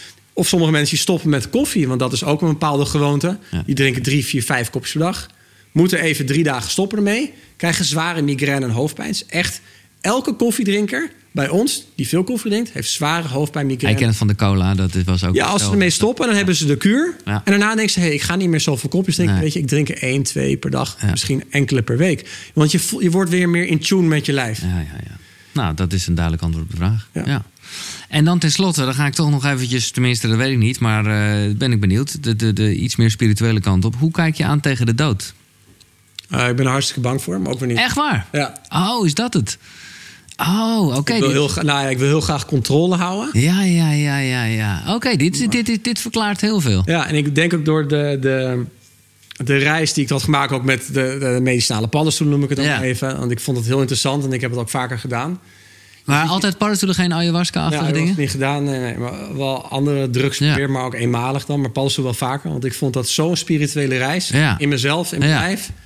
In de energie om je heen. Eh, ik ben altijd wel angstig geweest om vroeg te overlijden. Ik wil eigenlijk zo lang mogelijk leven. Dus dan onbewust wil je controle hebben over wat je doet. Maar eigenlijk heb je helemaal geen controle. Ik zou ook gek moeten zijn dat ik controle heb. Want ik kan zo naar buiten lopen en worden aangereden. Ja. Dus ja, ik vind het wel een heel eng concept. Weet je, waar ga je naartoe? Wat, wat is er hierna? Is er niks? Is er wel wat? Wat is er dan hierna? Wat gebeurt er met al onze energie en zielen? Waar gaat dat naartoe? Zijn er meerdere universa? Ja, ja, want dit is ook natuurlijk, dit kan je niet in je boekje vatten. Dit nee, is, omdat dit het is, dat eh, is zoiets persoonlijks. En dat, eh, ja, wat gebeurt er na de dood? Ik weet het niet. Ik ben wel bang voor de dood. Maar waar geloof je in als je dan toch eh, jezelf een beetje rustig moet houden of niet? Maar dat wat geloof je dat dat ik ge- gewoon weg ben. ja. Dat ik leegte, ik ben tijd, ik ben verdwenen. Maar eerder zei je wel, we zijn allemaal energie. Ja, dus op dat moment dat wij actief zijn, Ja. dus op dat moment zijn wij met elkaar aan het zenden. Dus het apparaat is gewoon uit. Het apparaat is uit, onze energie, de, de hersenen, de hart, al, niks klopt meer. Uiteindelijk misschien onze ziel. Ik weet niet waar het heen gaat, maar ik denk persoonlijk dat we in leegte verdwijnen. Net zoals dat ze zeggen dat deze wereld is ontstaan vanuit tijd. Vanuit niets kwam iets. En ik geloof ook dat het iets wat ik ben, weer uiteindelijk niets wordt. En dat is ook helemaal niet erg of eng om te denken of te zeggen, maar dat Ah, is ja. een beetje wat ik voel. Ik word uiteindelijk niets. En ik ben een, een bliep, ik ben iets geweest in de tijd. En ik heb hopelijk iets voor elkaar gekregen in de tijd dat ik op deze aarde rondliep. En dat is ook een beetje, denk, ja, hoe lang heb je nog? Ik wil nog zoveel mogelijk meegeven. Je bent 35 man. Ja, dat weet ik. Maar ja, op een gegeven moment, je wordt 70, 80, 90 en je hebt nu natuurlijk meer energie. En hoe oud, hoe oud ga je worden? Ik, ik hoop over de 100. Oh, echt? Ja, moet ik wel op een ander eiland gaan wonen, denk ik. In, een nee, maar ik wil gewoon zo... Het maakt me niet zoveel uit hoe oud ik word... maar als ik maar zo gezond mogelijk oud word. En dan uiteindelijk ook met meer vreugde doe. En eh, ik ben heel erg nu met prestatie bezig... en ik wil al supergoed en perfectionist. Echt wel een strebers, ja, ja. Ja, en ik mag wel wat meer loslaten. Weet je? Ja. Wat meer vieren, wat meer relaxed zijn. En dat moet ik mezelf ook leren. Ik ben echt verre van perfect. Ik maak ook fouten en ik leer nog steeds. Maar ik accepteer wel dat ik dat niet ben, dat ik niet perfect ben. En dat ik blijf doorleren. En ik wil ook nieuwe dingen ook blijven opzuigen, al die informatie. Eh, en soms weet je het gewoon niet, het antwoord. Soms gewoon, ja, ja. dit is het. En jij stelt me zo'n vraag, ja, om eerlijk te zijn. Ik weet het eigenlijk niet. Nee, natuurlijk, we weten het En jij weet het ook niet. Ja, misschien Nee. mensen die even dood zijn geweest en een bijna doodervaring. Maar ja, die Nee, kwamen ja, weer terug. Ja. Was die bijna doodervaring daadwerkelijk dus die echte ervaring Nee, geweest? dat ja. ben ik met je eens. Maar ik vind wel dat je er tamelijk, maar dat, dat past ook wel een beetje bij als ik eerlijk ben, plastisch overdenkt. Qua dat, het, dat je alleen maar denkt vanuit dat wij een soort machine zijn met een beetje hoe de radartjes werken. En als die radartjes niet meer werken, dan is het uit. Terwijl ik toch ook wel geloof dat er Nee, juist heel niet- veel onverklaarbaar is. En Ja, er soort... gebeuren heel veel onverklaarbare dingen. En, en bomen hebben gevoel. En planten Ja. hebben emoties en pijnprikkels. Weet je, er zijn natuurlijk steeds meer dingen waar we achter komen. Er gebeurt heel veel in de lucht. Waar we ook steeds meer... oké, Er zijn allemaal ionen die in de lucht rondgeven, Ja. blijkbaar. En, ehm, Maar goed, we weten Ja. het. eh, de- ja. Is er nog iets? Want eh, we hebben lekker lang geluld. En eh, ja, je hebt zoveel in je boek besproken dat ik het ook allemaal een beetje wilde aantikken. Maar is er nog één onderwerp waarvan je zegt, nou, ik had het toch ook graag even hierover willen hebben? ja, dat ik wat, iets wat ik wel... Een ding wat we nog niet hebben besproken... is onze beeldschermverslaving. Ik zei Ja, je zet even snel, ja. Eh, dat is waar ik mezelf heel erg heb op betrapt een tijd terug. Want ik was mijn laatste, althans, ik heb mijn hele boek geschreven. Ja. En ik liet mijn hond uit. En ik voelde iets van, ik ben iets vergeten. En ik liep in mijn straat, gewoon langs allerlei huizen. En elk Ja, huis ja, ja. stond de tv aan. Ja, dat is heftig. Of een beeldscherm aan. En ik hé, hey, ik moet iets... Maar je bedoelt het niet eens zozeer vanwege het licht of zo? Nee, helemaal ja, het licht. Dat, natuurlijk is precies. het licht en de prikkel Nee, schadelijk. Het gaat erom dat we allemaal beeldschermverslaafden zijn geworden in een hele korte tijd. Ik bedoel, de tv die bestaat pas echt sinds de jaren 40, Ja. 50. Hè? Ja. We zijn dus in 70 jaar tijd zijn wij gewoon gezogen op een beeld. En ik bedoel bij beeldschermverslaving. Het is onze iPad, onze telefoon, onze smartwatch. Alles wat onze aandacht trekt op een schermpje... wat eigenlijk helemaal niks biedt dan hele snelle informatie. Ehm, en dat vind ik heel zorgelijk. Weet je, als je een kantoorbaan hebt... dan sta je in de ochtend op...